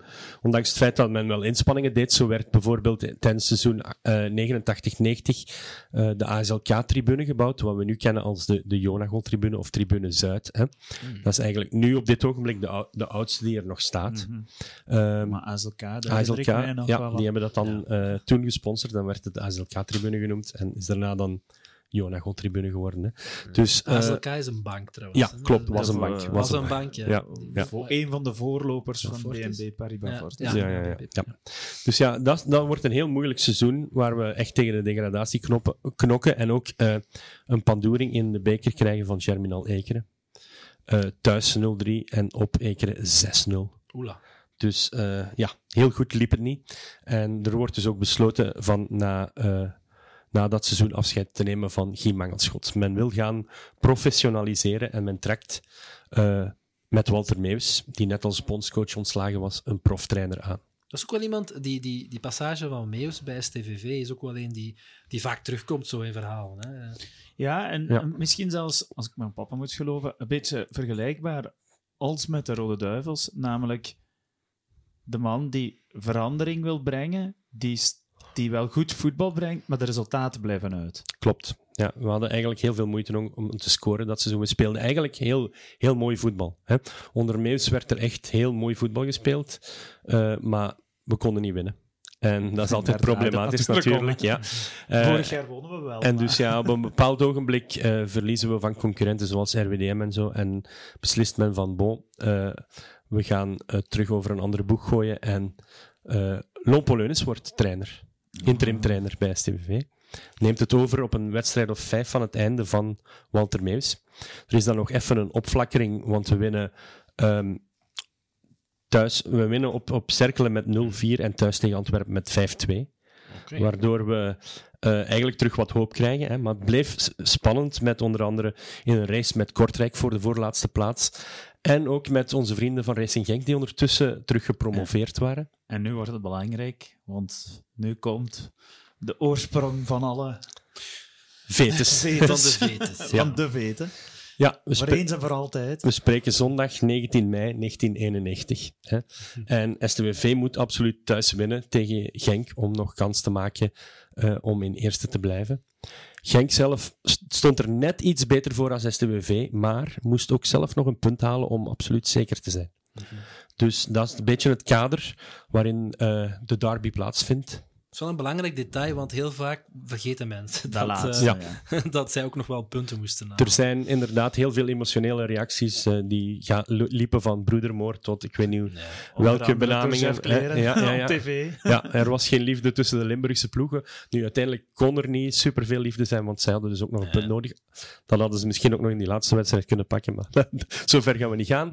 Eh, uit- uiteraard wouden zij meteen ook zekerheid en eh, een zekere Ange Gappi, die in mijn nachtmerries zal blijven spoken, scoort de 0-1 voor Genk. Eh, en daar blijft het bij. Genk wint en STV is zo goed als gedegradeerd. Er was nog een klein waterkansje op die laatste speeldag, maar dan moesten we in Luik winnen en moest Kortrijk van het algerijde Cerkelbrugge, ook een buurt toevallig, hè, eh, verliezen. Dus Ja. dat gebeurt dan effectief niet meer. Ah, Nu- die niet. Ja. Nu, die, eh, die wedstrijd tegen Genk is inderdaad wel de bron van, van de veten tussen de twee clubs. Eh, mm, uiteraard ook door het sportieve, maar vooral ook door, de, door wat er die, a- die namiddag zich afspeelt op en rond eh, het veld in Sint-Truiden. Dus er zijn heel veel Genk-supporters die zich mi- misdragen hebben. met onder andere motorfietsen die door vitrines van cafés gesmeten werden. het doel opstaan dat afgebroken werd, al feestend door de racingfans en dergelijke. Dus het gedrag was alles behalve naar behoren. Eh, uiteraard mag je vieren dat je gered bent, maar eh, zonder geweld liefst. En dat was niet echt eh, het geval die namiddag. Dus eh, dat is natuurlijk ook wel bij de truinaar blijven hangen. Ja, ja. Er was toen toch nog geen kooi op staaien. hè? Eh, nee, nog geen. Ja, er stonden wel tralies, hè. die stonden er. Want Ja, het- maar het- ze- een van de dingen dat, dat er ook nog was, van, op een bepaald ogenblik hadden die van Genk een sjaal in brand gestoken. En vond een van de brandweerlui van Sint-Truiden er niet beter op dan gewoon met de brandblusser te spuiten op die sjaal en dus richting publiek. dus ja, eh, Ja. het was een, een zeer. eh, eh, er was heel veel, zeer veel animositeit rond die wedstrijd. want ja, een paar jaar eerder spelen wij ook tegen elkaar. Het was daarvoor winterslag, waterschei. Je zegt daarnet, je zegt daarnet van ja, ja, dat was toen eh, een, een, een derby, maar niet Ja. de rivaliteit. Is, kan, je echt, kan je echt zeggen dat dit echt het startpunt was? Ja, nu, het het begint eigenlijk dat, dat seizoen al wat, omdat ja, eh STV was toch wel de vaandeldrager van Limburg de afgelopen jaren. En eh, plots wordt het in de Limburgse pers, precies over maar één club meer in Limburg is, de nieuwe fusieclub. Dus dat stak ook wel een beetje. Hè. Ehm, dat speelde allemaal mee al om, om, de, om de setting eh, Mhm. te brengen waarin dat die, die, die, wedstrijd dan eigenlijk een beetje, laat ons zeggen, de firestarter is geweest. Hè. Wat, wat ook triggert is dat je zegt van hè, in de pers was het enkel hè, de ploeg van Limburg en, en, en de, precies voor enige. Allee, ik zeg niet dat dat nu vandaag nog het geval is, maar Volgens hen al helemaal ons dan zeker niet. Maar, maar ze hebben bijvoorbeeld ook een boek geschreven, of er is een boek geschreven, hè, eh, FC Limburg, als ik me niet vergis, Mhm. of Racing Limburg. Ja. Ze trekken dat wel zo nog altijd een beetje naar zich toe, zo heb ik Ja, de indruk. Hè? Ja, ja, En het dat is was zo. toen gestart. Zij willen zo het monopolie over, over Limburg krijgen, een beetje. Hè. Ja. En ik, ik zie onszelf een beetje zoals eh, in Asterix. Hè. Absoluut. Eén één stukje regio dat eh, weer staat. dus eh, Klein Ja. maar dapper. ja, absoluut. Maar eh, ja, dus die, die dag is eigenlijk, eh, laten we zeggen, de hele rivaliteit ontstaan. in een steekvlam ontstaan. Hè. En STVV degradeert dus helaas naar tweede klasse. Ja. Hè. Eh, Was dat, sorry, jij was er toen bij. Ik was erbij, ja. Eh, ik kan me voorstellen, als je zo pas 13 jaar tweede klasse hebt gehad, dat dat zo ook voor veel mensen zo van... pff, het angstbeeld van zoveel jaar terug naar tweede, Ja, was dat het toen? is nog niet eens zoveel. Dat is nog niet zo lang daar geleden. Nu, mijn carrière had ik meer tweede klasse voetbal, want ik ben van 79 naar STV komen kijken. Ik had al meer tweede klasse voetbal dan eerste gezien, dus je denkt van ja, we zijn er eindelijk. En je speelt een aantal goede seizoenen, dus je hoopt natuurlijk dat dat blijft duren. En dan is dat een, een, een diepe, diepe teleurstelling dat je terug, Ja. terugzakt. hè. Ja. En eh, ja, het zou dan toch nog weer, weer eventjes duren eer we terug aan het oppervlak komen. Ja, maar dat weet je natuurlijk op dat moment niet. Nee. Hè? Eh, want is dat dus de, voor u, je- ik heb er nu een aantal degradaties meegemaakt, is dat nu uw zwaarst, moeilijkste degradatie geweest? Of, of verder de la, er zit er nog een ik, paar? ik, vond ze, ik vond ze eigenlijk allemaal even moeilijk, Ja. maar ja, die is toch wel dat kleefde er toch wel fel aan. Ja, dat is zo van... eh, Maar goed, we gaan door. ja, je hebt er een paar waar dat je ze van ver zag aankomen. Hè. Ja, Eh, ja. da- da- dan is het natuurlijk iets minder moeilijk te verwerken. Dit was Mhm. nog altijd in, in volle strijd. En, Ja. en ook omdat je, ja, je speelde dat seizoen wel re- redelijk goed voetbal. Dus dan, dan is het nog eens, zo, nog eens een ontgoocheling dat, het er niet van, dat je er niet in blijft. Hè. Ja. Mhm. Dus eh, ja. Maar bon, we gaan dus naar gaan door. tweede klasse. En eh, dat wordt eigenlijk ook een beetje een teleurstelling. Het begint nog allemaal vrij goed. Eh, met een zege tegen het eh, net gepromoveerde Serra, dat eh, ook wel wat ambities had en zo. Eh, maar STWV blijkt een gigantisch scoreprobleem te hebben. En je kan eigenlijk zeggen dat het enige hoogtepunt in het, in het seizoen na de degradatie in de beker te noteren valt. Hè? En dat is een wedstrijd die ook nog wel veel mensen zich zullen herinneren, Waaronder ik. want we loten Anderlecht thuis. En als tweede klasser, weer met 10.000 wedstrijden, hè, 10.000 Eh, supporters. 10.000 supporters, hè, eh, spelen we een, een dijk van een wedstrijd. Eh, we halen verlengingen en in de verlengingen scoort Di- Niels op voorzet van de Griezen voor Anderlecht. Dus dan denk je het is over en out. Maar die Deksel, Dekselse King Gambo, hè, die ons al veel plezier bezorgd had in eerste klasse, zorgt voor de gelijkmaker. En dat levert STWV strafschoppen op.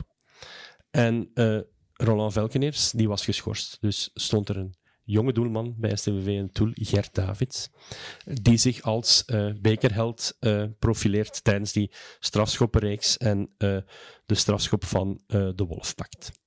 STWV mist er geen en dus eh, wint de penalty shootout met eh 5-4 en schakelt landskampioen Anderlecht uit. Ja, om even dat te kaderen, want Ja. eh, Anderlecht toen die tijd is absoluut nu niet het Anderlecht van vandaag. Want vandaag doet het niet zo slecht, maar dat was echt het grote dat was Anderlecht. het grote Anderlecht. Michel de Ja, Wolf. Niels, Ja, Niels, de, Niels, de grijze. de ja. grijze. de helft van de Rode Duivels waarschijnlijk. En dan die jaren al ook, denk ik, zelfs Mechelen leeggekocht tegen dan Ja, ongeveer. ja, ja, daar liepen, ja, daar liepen toen wel van die spelers die, die Mhm. bij, het, bij het grote Mechelen gespeeld hadden ook nog eh, rond bij Anderlecht. Nu dus, eh, Het was ja, echt wel David Ja. tegen Goliath. het was, het was inderdaad een prestatie hè, als, als, als net gedegradeerde ploeg.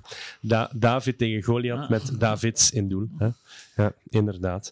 Ehm, maar ja, dat zal dan ook een van de weinige hoogtepunten van dat eh, seizoen blijken. Hè. Ja. Want eh, dat seizoen, 30 wedstrijden in tweede klasse, scoren we uiteindelijk 25 doelpunten. Dat is heel En weinig. incasseren we er 27, dat is ook weinig. Ja. Maar als je niet scoort, kan je geen wedstrijden winnen. Dus eindigen we anoniem in de middenmoot. Hè. Eh, ondertussen roert er zich ook een en ander op bestuurlijk vlak. Hè. Eh, natuurlijk had die degradatie zich daar ook zijn sporen nagelaten. Ja. En komt er ook weer financieel wat problemen. En eh, komen een aantal mensen bijeen die zich borg stellen voor de club en een nieuw bestuur vormen. Mhm.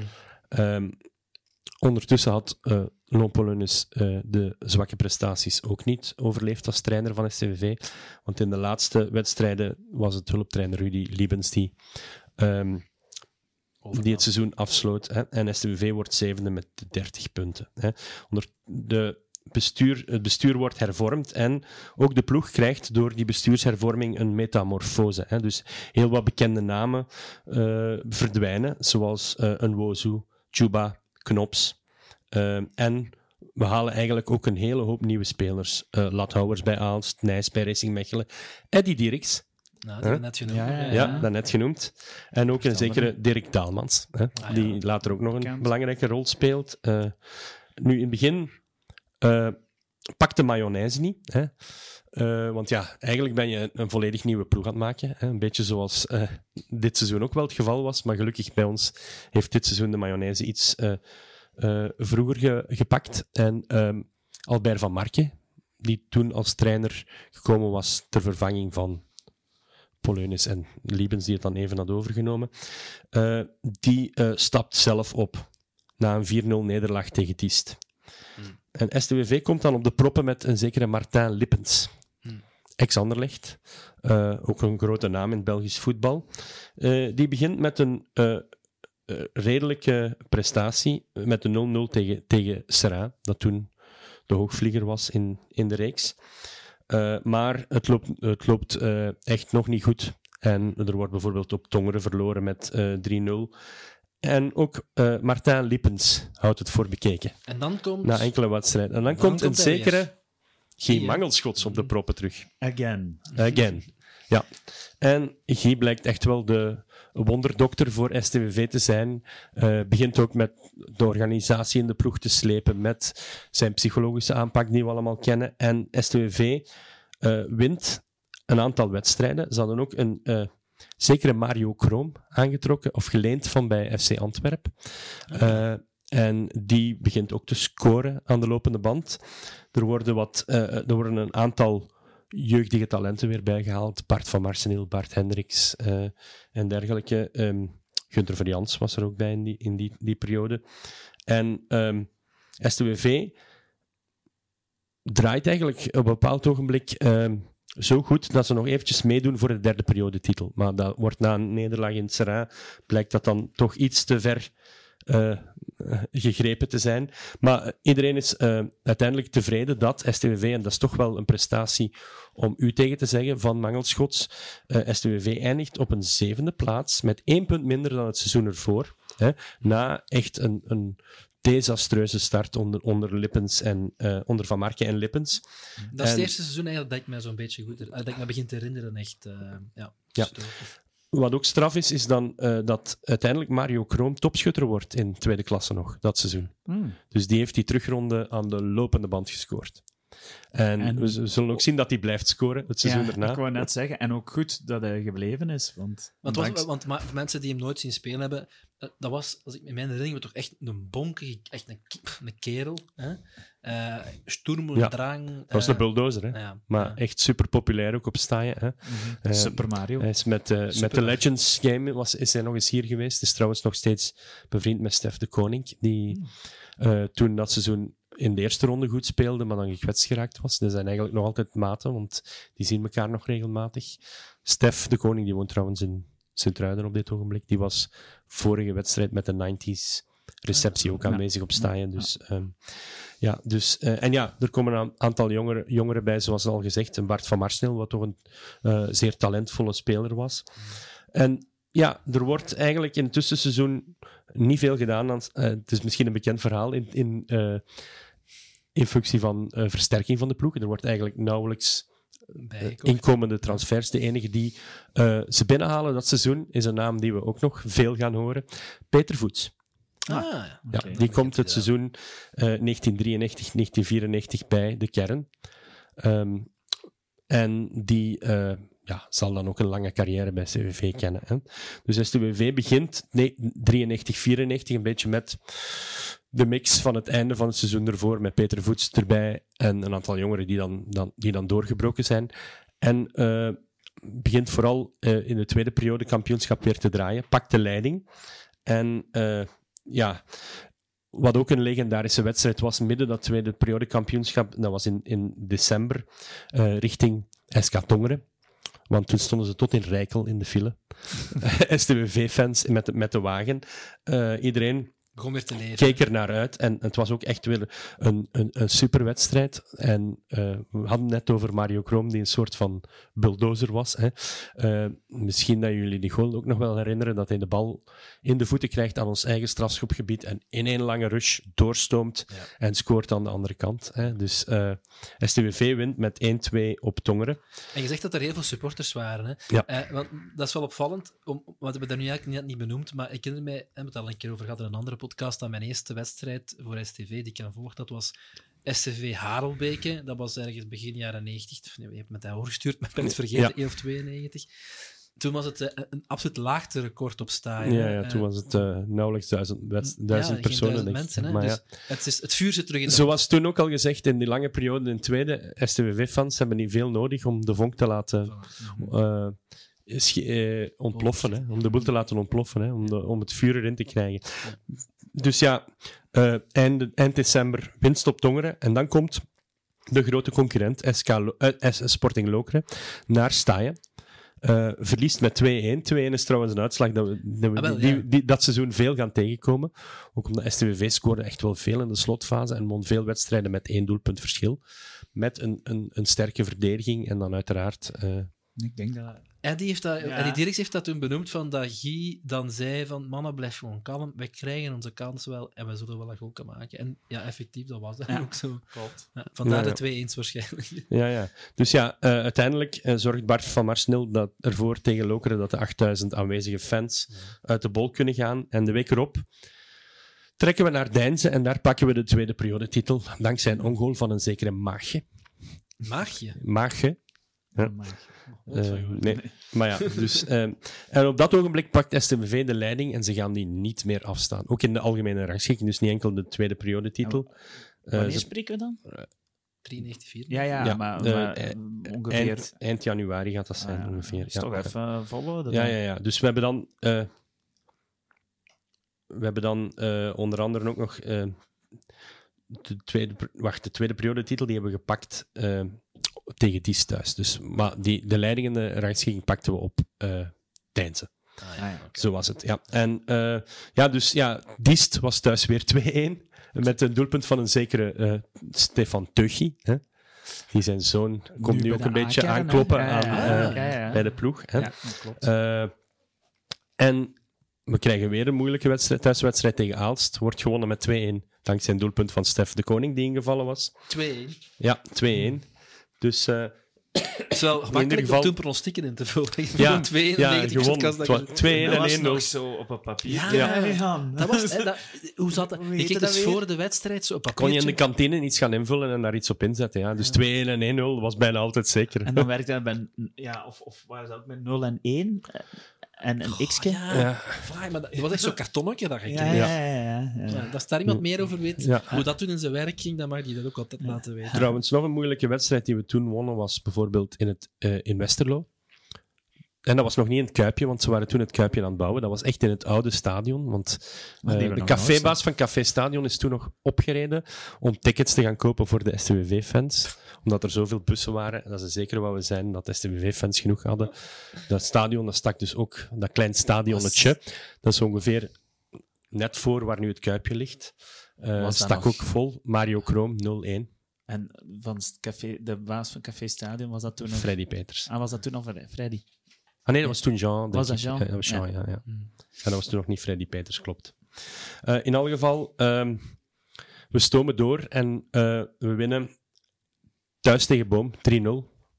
3-0. Ja, en eh, de dag erna laat eh Lokeren punten liggen en STWV is zonder te spelen die zondag kampioen. Die, die zondag herinner ik me echt nog wel, want dan waren wij aan het volgen op teletext. Was, wat hebben ze gedaan? We hadden nog geen... Was radio. Ik weet zelfs niet of de radio... Waarschijnlijk wel, maar goed, ik was op teletext aan het volgen. En dan zijn we allemaal naar, naar eh, Sint-Truiden gereden. Ja. Dat gaat hij misschien nu vertellen. Aan de tienste steenweg, dat klopt. Daar zijn alle spelers ook naartoe gekomen. Eh, we hebben daar een klein feestje gestart en zelfs een optocht richting Grote Markt, hè, waar spontaan verder gefeest werd en waar alle cafés tot laat in de nacht zijn, zijn opengebleven. Hè.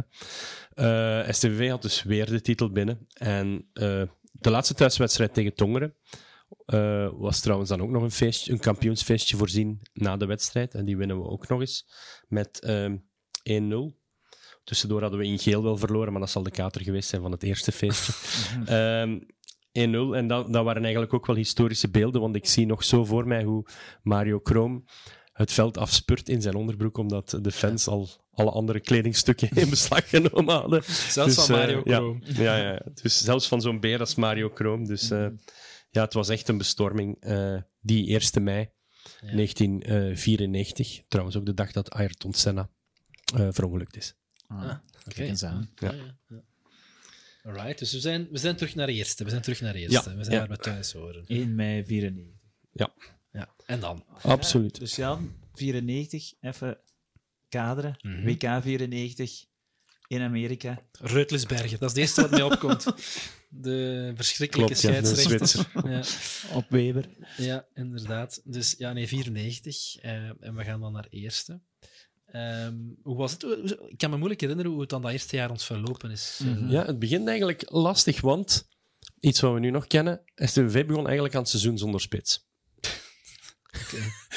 Klinkt bekend in de oren. Ja. Eh, we hadden Davy Ooyen overgenomen, was eigenlijk een, een middenvelder, Mhm. flankspeler van Genk. En die heeft dus de eerste wedstrijd in de spits, de eerste wedstrijden in de spits gespeeld, Ah, omdat we niemand anders hadden. Maar Ik weet dat die bij. Ik wist dat die bij... Trouwens, zijn zoon nu in de A-kern van Genk. hè. er, er was ook eh, een jonge aanvaller eh, die de neus aan het venster stak, al in de voorbereiding een beetje. Toen men allerlei dingen uitprobeerde, een zekere Peter van Hout. Ja. Eh, en eh, na, een aantal, na een aantal wedstrijden haalt men toch nog een buitenlandse spits binnen, Anders Nielsen. Ja. Anders Nielsen, die bij zijn, Eerste debuut tegen, die bij zijn debuut tegen RWDM direct eh, scoort. Dat is een legenda. Voor mij zijn dat echt wel dingen die ik me zo voor de geest kan Die kopbal, het is een kopbal volgens mij. En aan de goal wat viel aan de kant van de spoorweg. Dat zijn zo de matchen die mij heel veel bijgebleven zijn als Mhm. kind. Ja. Met Nielsen. En uiteindelijk, dus ondanks die start waar het een beetje behelpen was, presteert STWV goed en, en, en komt eigenlijk nooit in de problemen.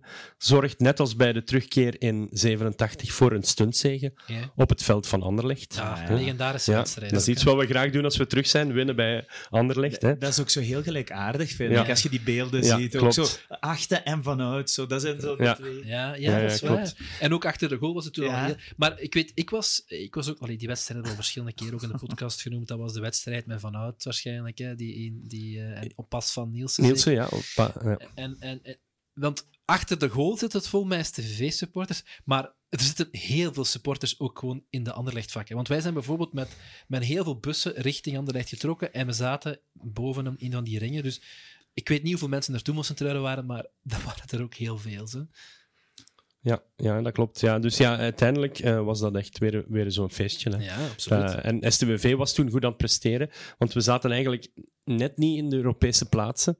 We waren een beetje uit die race geslagen, maar bon, als promovendus was een mooie plaats in de middenmoot eh, ook al niet slecht. En dan die stunt op Anderlecht weer. Hè. Ja, dat is eigenlijk Maar dat, ongelooflijk. dat is echt zo, maar, mij ook altijd bij, dus die, die enorme euforie bij die goal, maar ook de belegering van, van het goal, de goal Ja. van Velkeniers en Velkeniers die daar weer alle ballen Weer de match van zijn uit- leven pakt. ja, hè. we- dan wel niet kan uittrappen. Want elke uittrap die vloog over de zij- zijlijn buiten inworp Anderlecht. Ja. En er is een verhaal over. ehm, hij moest van Paul Peters, keepertrainer denk ik op dat moment, kan dat? Dat Ah. zou kunnen. Eh, moest hij de flanken opzoeken. En ja, Ja, hij zocht ze wel heel fel op dan. ja, ja. Maar is ook- wat mij ooit verteld. Dus Ja. maar goed. En ik weet niet of dat voor u eh, gelijk aardig is, Niela, of voor u, Chris, maar ehm, voor mij was het ook zo, eh, na, dat was ook altijd uitkijken naar de dag erna, want meestal speelden we op zaterdag, naar zo de zevende dag, weet ik nog. Ja. Of er beelden van STVV Ja. op televisie zouden verschijnen. Dat zijn toch dingen, tijden dat we nu niet meer kunnen Dat, dat klopt wel, want nu word je doodgeslagen. Met, Ja. met, en je komt thuis, zat op internet te kijken. Ja. moest De meeste kijk je de wedstrijd gewoon zelfs thuis op tv. Ja, was ook het seizoen van de iconische Jonagold truitjes. Hè?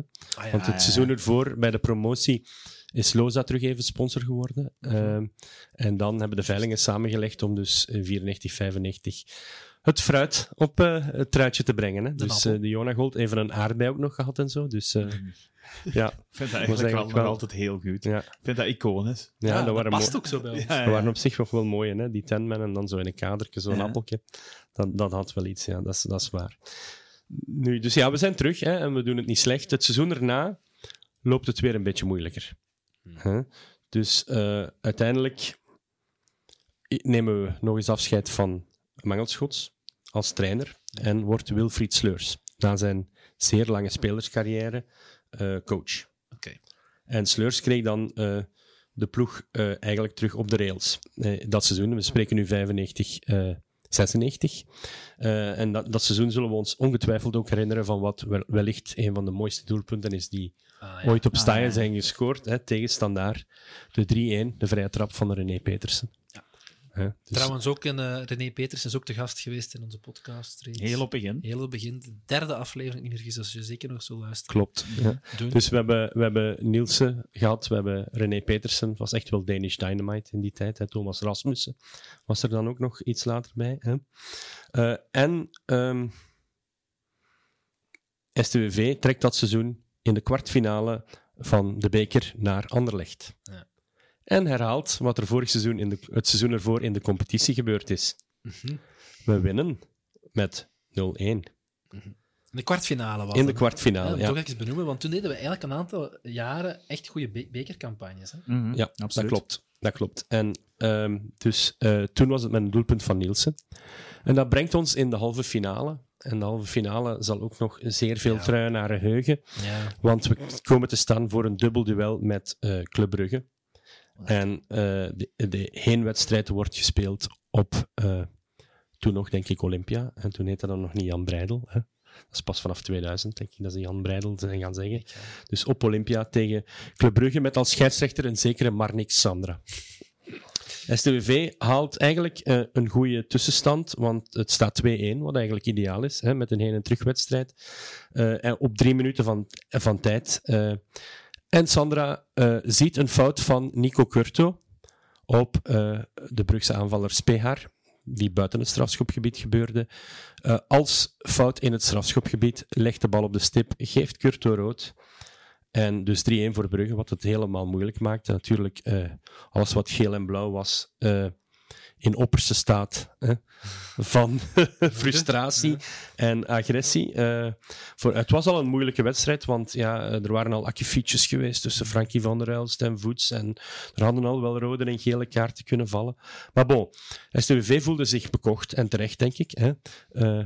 Breng die Sandra naar Rozen was een van de, de ijzerhandelaar op de dienstsystemen. was een van de eh, reacties. Hè?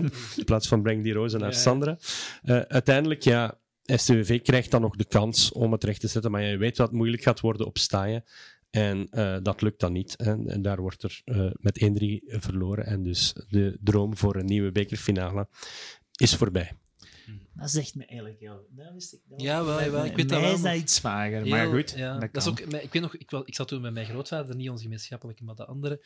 En die heeft het, in tegenstelling tot veel andere eh, supporters, eh, die zijn grote veten was niet met Racing Genk, maar met, met Club Brugge. En een van de redenen was zeker ook die wedstrijd en het feit dat ze dan blijkbaar ook, eh, volgens wat hij gehoord had, zou, zou, zou dat Brugge nog voor de wedstrijd met enkele speurs van zijn truiden gaan spreken zijn en aangegeven hebben van ja, volgend jaar kun je bij ons spelen. Enfin, ik weet niet of dat allemaal waar is, maar dat Ja. was toen toch wel een beetje... Beetje Ah, was het eerder zo wat ander ligt, moet ik zeggen. Dat Ja. altijd zo- Nielsen heeft dan effectief ook eh, Ja. eerst een contractverlenging bij STVV ge- ge- getekend. Voilà, Zo het. netjes heeft hij het nog wel gedaan. Ja. Eh, en daardoor moest Brugge een zeker bedrag ophoesten. Maar Nielsen is dan inderdaad Ja. wel ja. van Ja, STVV naar Brugge getrokken. En dan komen we in eh, Jan en Niele in nog een legendarisch jaar. Mhm. Of seizoen. Hè? Het, het seizoen 96-97. Waar, eh, Waar het Giant Killer ten top is, mag je zeggen. Ja, Ja, want ja. we hebben hier eigenlijk al in onze overzicht al een paar keer gezegd, het laten vallen. hè, En daarmee wil ik ook wel aantonen dat het eigenlijk van alle tijden is. Maar dat seizoen is eigenlijk toch wel het toonbeeld van Giant Ja, Killer dat steekt er ook vooral bovenuit. Als, als, we, als we die wedstrijden niet hadden gewonnen, dan waren we gewoon gedegradeerd. Ja. Dus ja, dat heeft toen het verschil gemaakt, wat eigenlijk eh, ongelooflijk was. Hè. Mhm. En eh, ik denk, ja, oké, had... We stonden laatst op het ogenblik, de Anderlecht komt en winnen met, met, eh met Patje Boom Boom Goots onder andere, hè, met, met 4-0. Wat op zich eh, eigenlijk al, al straf was. Hè. Dat was nog onder Freddy Smets, want er zijn dat seizoen ook nog wel een aantal trainers eh, de revue gepasseerd. En daar gaan we niet te fel op ingaan. In, al- in alle geval, dat winnen tegen de, tegen de topploegen, dat blijft erin zitten, want we kloppen Club Brugge, Moeskroen die meedraaide om de top, Standaard eh, die in top 5 stond. En eh, Yes. op het einde van het seizoen zijn we eigenlijk scher scherprechter in, een, Ja. in het titeldebat tussen. Club Brugge en Lierse. Hè? Want Lierse moest naar Staaien komen en verliest op een uitverkocht Staaien met 14.000 toeschouwers met 4-2. 14.000. 14, dat was echt, Ja. dat weet ik wel, dat dat echt Ja. volgepakt zat. Even voor iedereen toch even te duiden. Lierse was toen wel echt eh, Super. super. Hè? Dat Ja. was het, het Lierse dat dan... Kampioen gespeeld. ja, maar ook dat, allee, dat eigenlijk al enkele jaren aan het opkomen Ja. was. Ja, ja, die waren, draaiden constant mee in de, in de, in Ja, Ja, ja, ja. En dan Van Meer, van Meer en en een aantal van die spelers. Die Ja, wel- Bob Peters. ja, ja, die, dat waren toch wel... nou, dat was een stevige ploeg. En ze zijn dan dat seizoen gelukkig ook nog... Want ze hadden het wel verdiend hè, om, Ja. kampioen, om de kampioenstitel te pakken. En ze hebben die, ondanks die nederlaag op Staaien, ook nog Ja, gegrepen. want Maar dat is ik- zeg maar is het ook niet zo... ah, iets staat me daar van voor, Chris. Dat is... eh, wij hebben ook van Brugge gewonnen iets ervoor, hè? Niet? Ja, ja, we hadden Ja, twee in Van Brugge gewonnen ook. Ja. Er, net ervoor dan. En Was, dan verlies... was een aantal wedstrijden. Ah ja, oké, oké. Nee, nee, maar we waren wel scherp rechter. Maar ik wou nog zeggen, van Liers, ah, Lier, het is eigenlijk een stad vergelijkbaar met, met Sint-Truiden. Hè? Ja, ah, ja, ja. Als je, eh, die- je moet die je voorstellen dat wij... Dat, ja, ja, ik zeg niet dat... ik Maar die hebben wel een tijd lang geteerd op een heel goede jeugdwerking. Hè? Ja, ja. Die Klopt, hadden ja. daar- Marcel ja, zo- Vets en zo, ja, dat was die, toch die vets, Dat moet eh, daar ja. echt, dat moet echt zot geweest zijn. Die deed daar zoveel moeite voor. En ja, daar zijn ook al echt talenten uitgekomen die ja, allee, Carrière gemaakt. carrière gemaakt hebben. Ja, absoluut. Kerkhoven. Ja, Onder maar, andere. ja, een Bob Peters. Ja. eh, en dan later is nog zo'n tweede lichting gekomen. Hè? Dat is dan meer zo Hans Somers en Ja. die mannen. Hè? Ja, die hebben nog, daar hebben ze nog in Champions League mee gespeeld. Ja. Ja. ja. ja. enfin, zwart. Dus opnieuw, het is een stad zoals Sint-Truiden. Ja. Ja, ja, maar kijk waar Klopt. ze staan. En, en Nou, waar staan ze nu? Dat is waar. Ja, tweede klasse en, en opgesplitst eigenlijk in twee. ja, ja. ja. dat is waar. Dus dat hebben we eerder al eens gezegd, dat wij eigenlijk een van de weinige ploegen zijn, buiten de echt eh, top, die al zo lang meedraaien op de hoogste twee niveaus. Hè. Zonder Dus eh, ja, zonder prijzen weliswaar, Jan, maar dat, dat komt er nog wel van. enfin, dus eh, dat was een, een moeilijk seizoen op zich, maar dankzij die stuntzegers eh blijven we er weer in. En we halen een zekere Barry Hulshoff als trainer. Ah ja. Nu komt er nog een mooi verhaal, denk ik. Er komt er nog een mooi verhaal met, weer met het bezoek van Lierse als regerend landskampioen op Staaien. Het liep heel slecht bij STVV. En in die wedstrijd krijgt eh, Patrick Teppers eigenlijk ook nog een naam hè, uit de STVV-geschiedenis. Eh, vroeg een rode kaart en we krijgen een 0-5 pandoering van eh, Lierse. En het werd te veel voor de- een aantal van de STVV-fans die het veld opstormden en eigenlijk bijna neus aan neus met eh Hulshoff stonden. Hè. Er zijn beelden Dus van. ja, ja, ja. Uiteindelijk eh, kost het nog net niet de kop van Hulshoff, maar een aantal weken daarna eh, gaan ze hem toch weer bedanken voor bewezen diensten. Hè.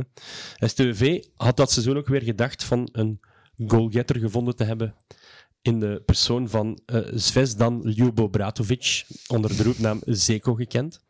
Maar wat we op dat ogenblik niet wisten is dat tijdens die scoutingsopdracht eh, eigenlijk een veel betere speler eh, aan Mangelschots opgevallen was. En die heeft hij ook meegebracht naar hier. de legendarische Mladen Rudonja. Een snelheidstrein op de flank. Hè. En Rudonja, daar hebben we dan wel weer veel plezier eh, aan beleefd.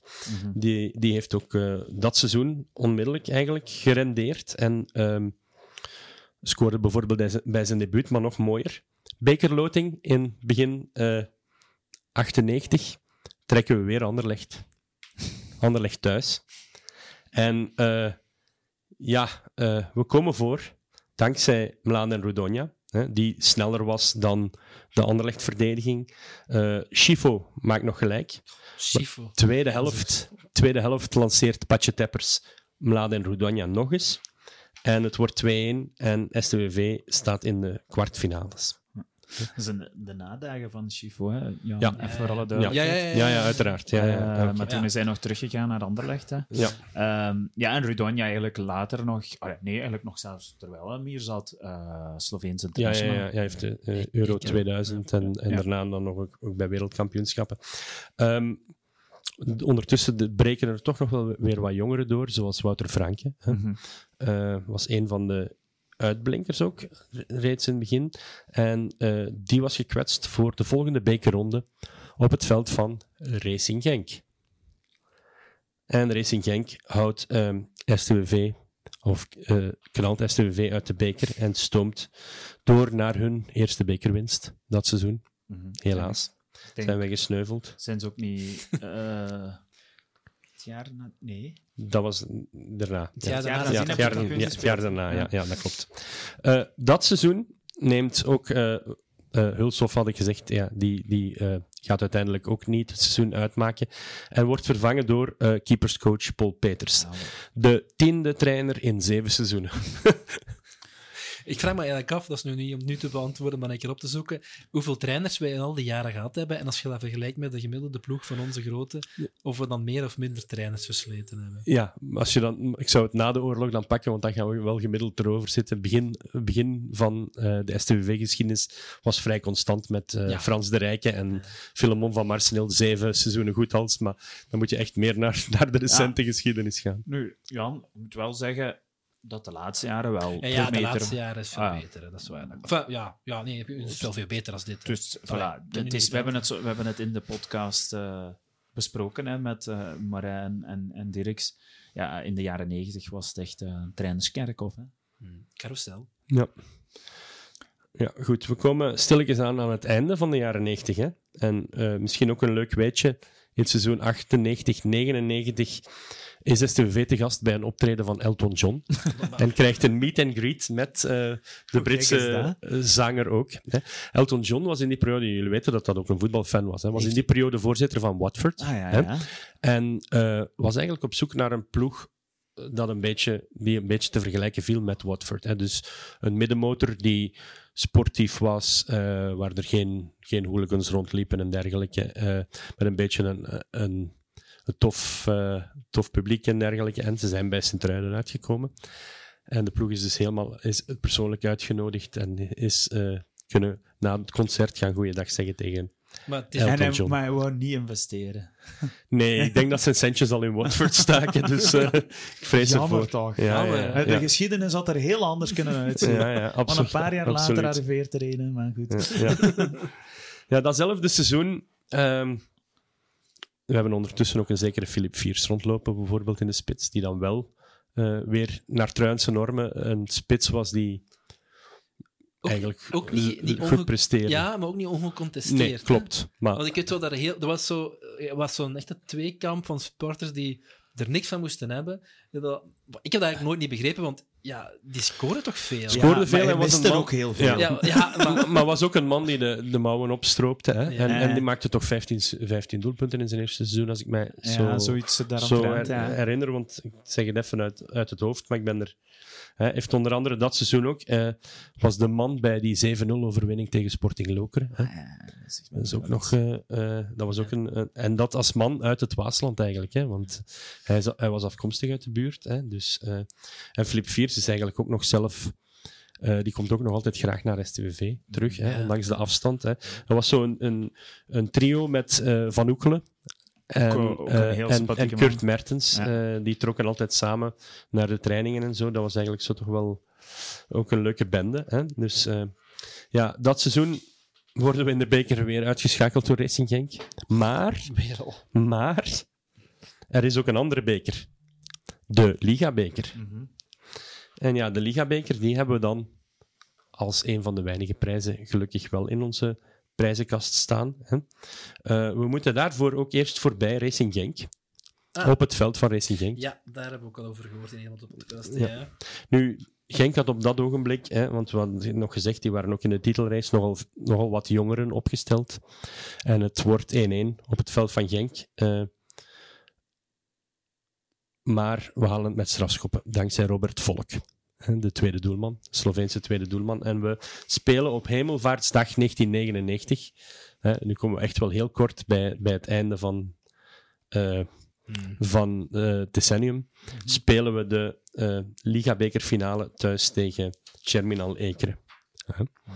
En dat wordt eigenlijk ook een, een, een super spectaculaire wedstrijd. Hè. Met eh Mladen Rudonia weer in, in de hoofdrol. Hè. Want ehm Sique pakt de rode kaart bij Germinal Ekeren bij een uitbraak van Rudonia. Eh, en Patrick Teppers kan de Canaries op voorsprong trappen van op de strafschop, strafschopstip. Hè. Ehm, Rechtdoor waarschijnlijk, zoals altijd is. ja, hard in het midden, op halve hoogte. hè. Het zal zo wel iets geweest zijn. Eh, en eh, ja, Patje scoort nog eens. Hè, en dus lijkt het zo wel goed te komen met, met de wedstrijd. 2-0 2-0 voorsprong. Maar Germinal Ekeren scoort een aansluitingstreffer. En dan doet Rudonia weer zijn duit in het zakje, want hij leidt STVV met twee treffers op snelheid naar een 4-1 voorsprong. Iedereen denkt alles in kannen en kruiken. Maar uiteindelijk is het toch nog bibberen en beven, want een zekere Kurt Moret, die ondertussen van STWV getransfereerd was naar Germinal Ekeren, scoort. En eh, de eeuwige Gunter Hofmans, eh, die altijd Ja. tegen STWV scoorde, maakt nog is 4-3. Maar STWV trok eh, het toch aan het langste eind en haalt eh, een trofee binnen. Hè. Eh, en dat is ook met eh, de nodige festiviteiten gevierd, al was het misschien de minder belangrijke beker. Maar het betekende toch wel iets voor de, voor de club dat ze die bekerwinst binnenhaalden. En wat ook helemaal mooi is, daaraan is natuurlijk dat daaraan verbonden een Intertoto-ticket zat. Daar ja, daar gaan we zelfs op inzoomen, want ik vond het wel opmerkelijk. Dat is mijn toen niet, of me niet meer. Ik herinner me niet meer, zou ik het zo zeggen. Dat was in ons 75ste uh, jaar STVV. Hè? Want vaak bij het 100 jaar hadden we nu heel vaak in het begin van het seizoen gehoord: ja, zie maar dat niet wordt zoals bij ons 50. Toen zijn we gedegradeerd. Toen zijn we gedegradeerd. Klopt. Maar ik heb eigenlijk weinig mensen horen zeggen ziet maar dat het woord wel wordt. Dat is van, zoals bij ons 75ste verjaardag. Ja, maar de Liga Beker bestaat niet meer, Jan. Maar we gaan Europees Dan gaan we voor de beker. Ja, we gaan voor Europees, ja, dat zou kunnen. Ja. Dat kan nog altijd, hè. Ze hebben, uh, SCVV heeft ook een, een t-shirt uitgebracht, ja. hè, naar aanleiding van uh, de, het winnen van de Nieskamp. Voor mij persoonlijk is dat... Um, ja, ik kan me dat niet meer zo goed herinneren. Ik zou ook niet kunnen zeggen of ik daar nu was of niet. Uh, ik was ook nog relatief jong.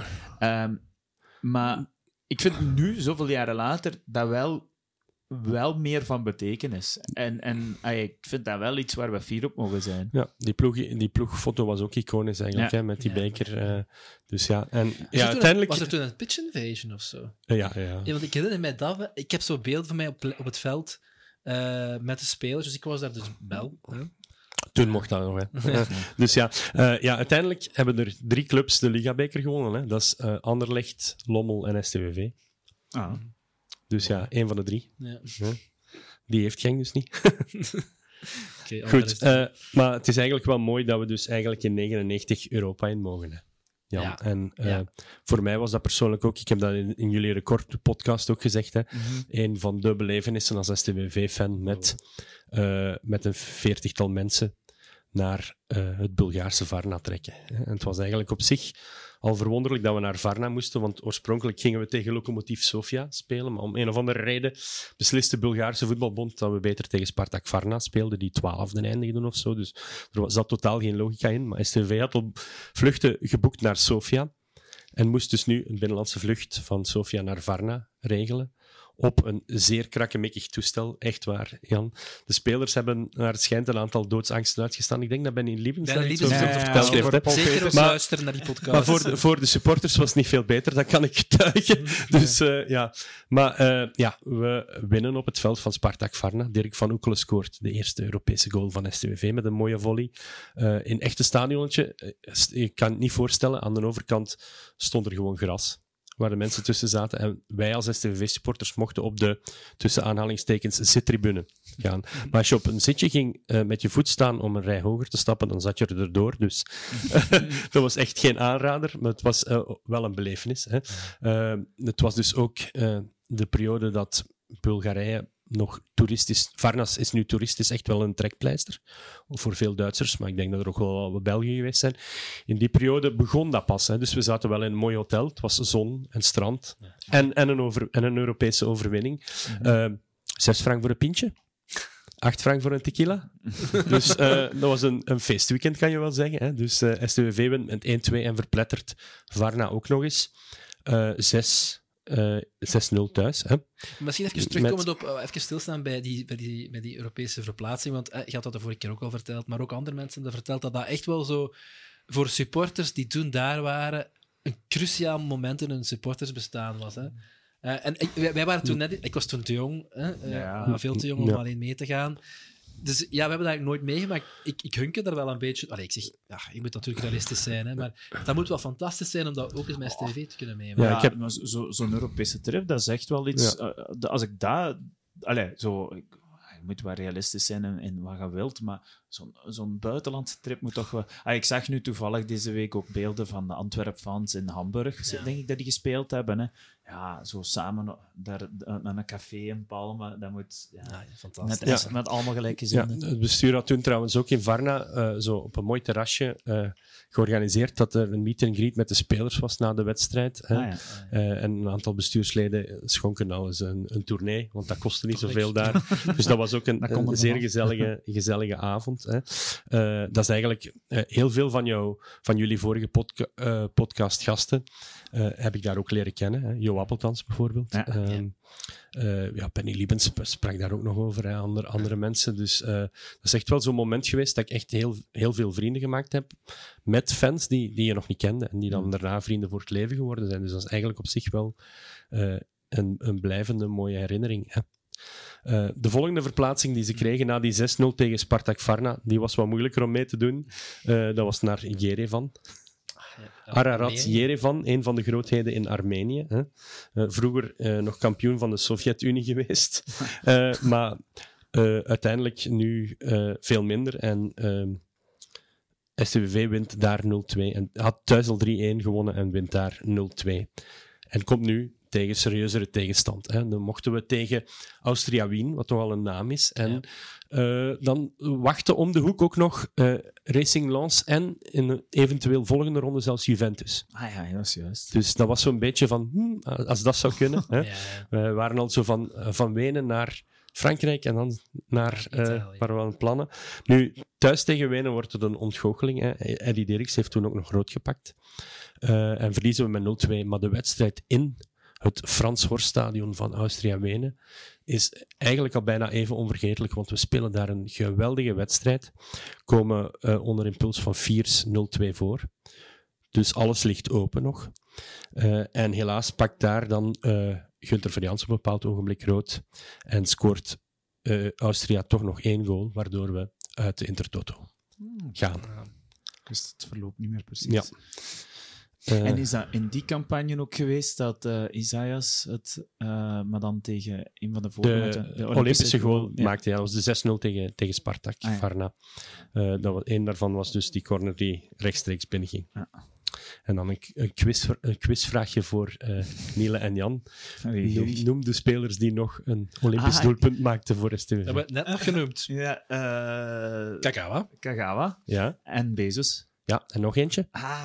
Bruls. In tweede Nee, klasse nee, op tweede. het veld van eh Tubize. Hendricks. Geital Hendricks, ja. Ah. Perfect. Ik zie dat Niele klaar is voor de quiz 100 jaar STVV. Maar ik zit in heb zijn ploeg dan. toen Ik goed opgelet en dan. is gepasseerd. Dus Ja. ik ben echt niet zo'n eh weetjesman. Weetjes. moet ik Dat jaar spelen we trouwens nog, en we kunnen daar misschien mee afronden, eh, onze gala-wedstrijd eh, voor het 75-jarig bestaan tegen Espanyol Barcelona. Ah ja. Het seizoen ervoor hadden we tegen Everton thuis gespeeld. Ah, die ma- daar ben ik Want daar is ook nog ik? heel veel ver- eh, verwarring tussen. Maar Ah, ja. dus eh, de jubileumwedstrijd was tegen Espanyol Barcelona. En ik ga een weetje vertellen, Chris. Eh, wij zijn, mijn papa, ik en mijn broer zijn eh, naar eh, Liverpool, Manchester City eh, gaan zien. We zijn daar op, in ons hotel in de bar beland met een Everton supporter. En die beweerde bij hoog en bij laag dat hij op staaien was geweest. Dus dat hij erbij was. En kunnen. ik weet wel dat dat zo nogal een redelijke zatte bende was, die Everton-fans. en dat er zelfs ene, denk ik, zijn broek heeft afgestoken of zoiets. Dat is iets wat mij zo is bijgebleven van die match. Ja, nee, dat was dus... eh, Match. Maar dat was dus ook nog eh, een, een mooi verhaal. Everton was eigenlijk wel... Met Big Duncan Ferguson en zo, dat was eigenlijk ook Ah, nog wel tof om tegen te spelen. Ja, ja, ja. Maar zo zijn we stilletjes aan, denk ik, aan het einde van de jaren 90 gekomen. hè. Ja, en de eind van de jaren 90. Dus daarmee leggen we dus niet alleen de jaren 90 neer, maar ook de jaren 80. Hè.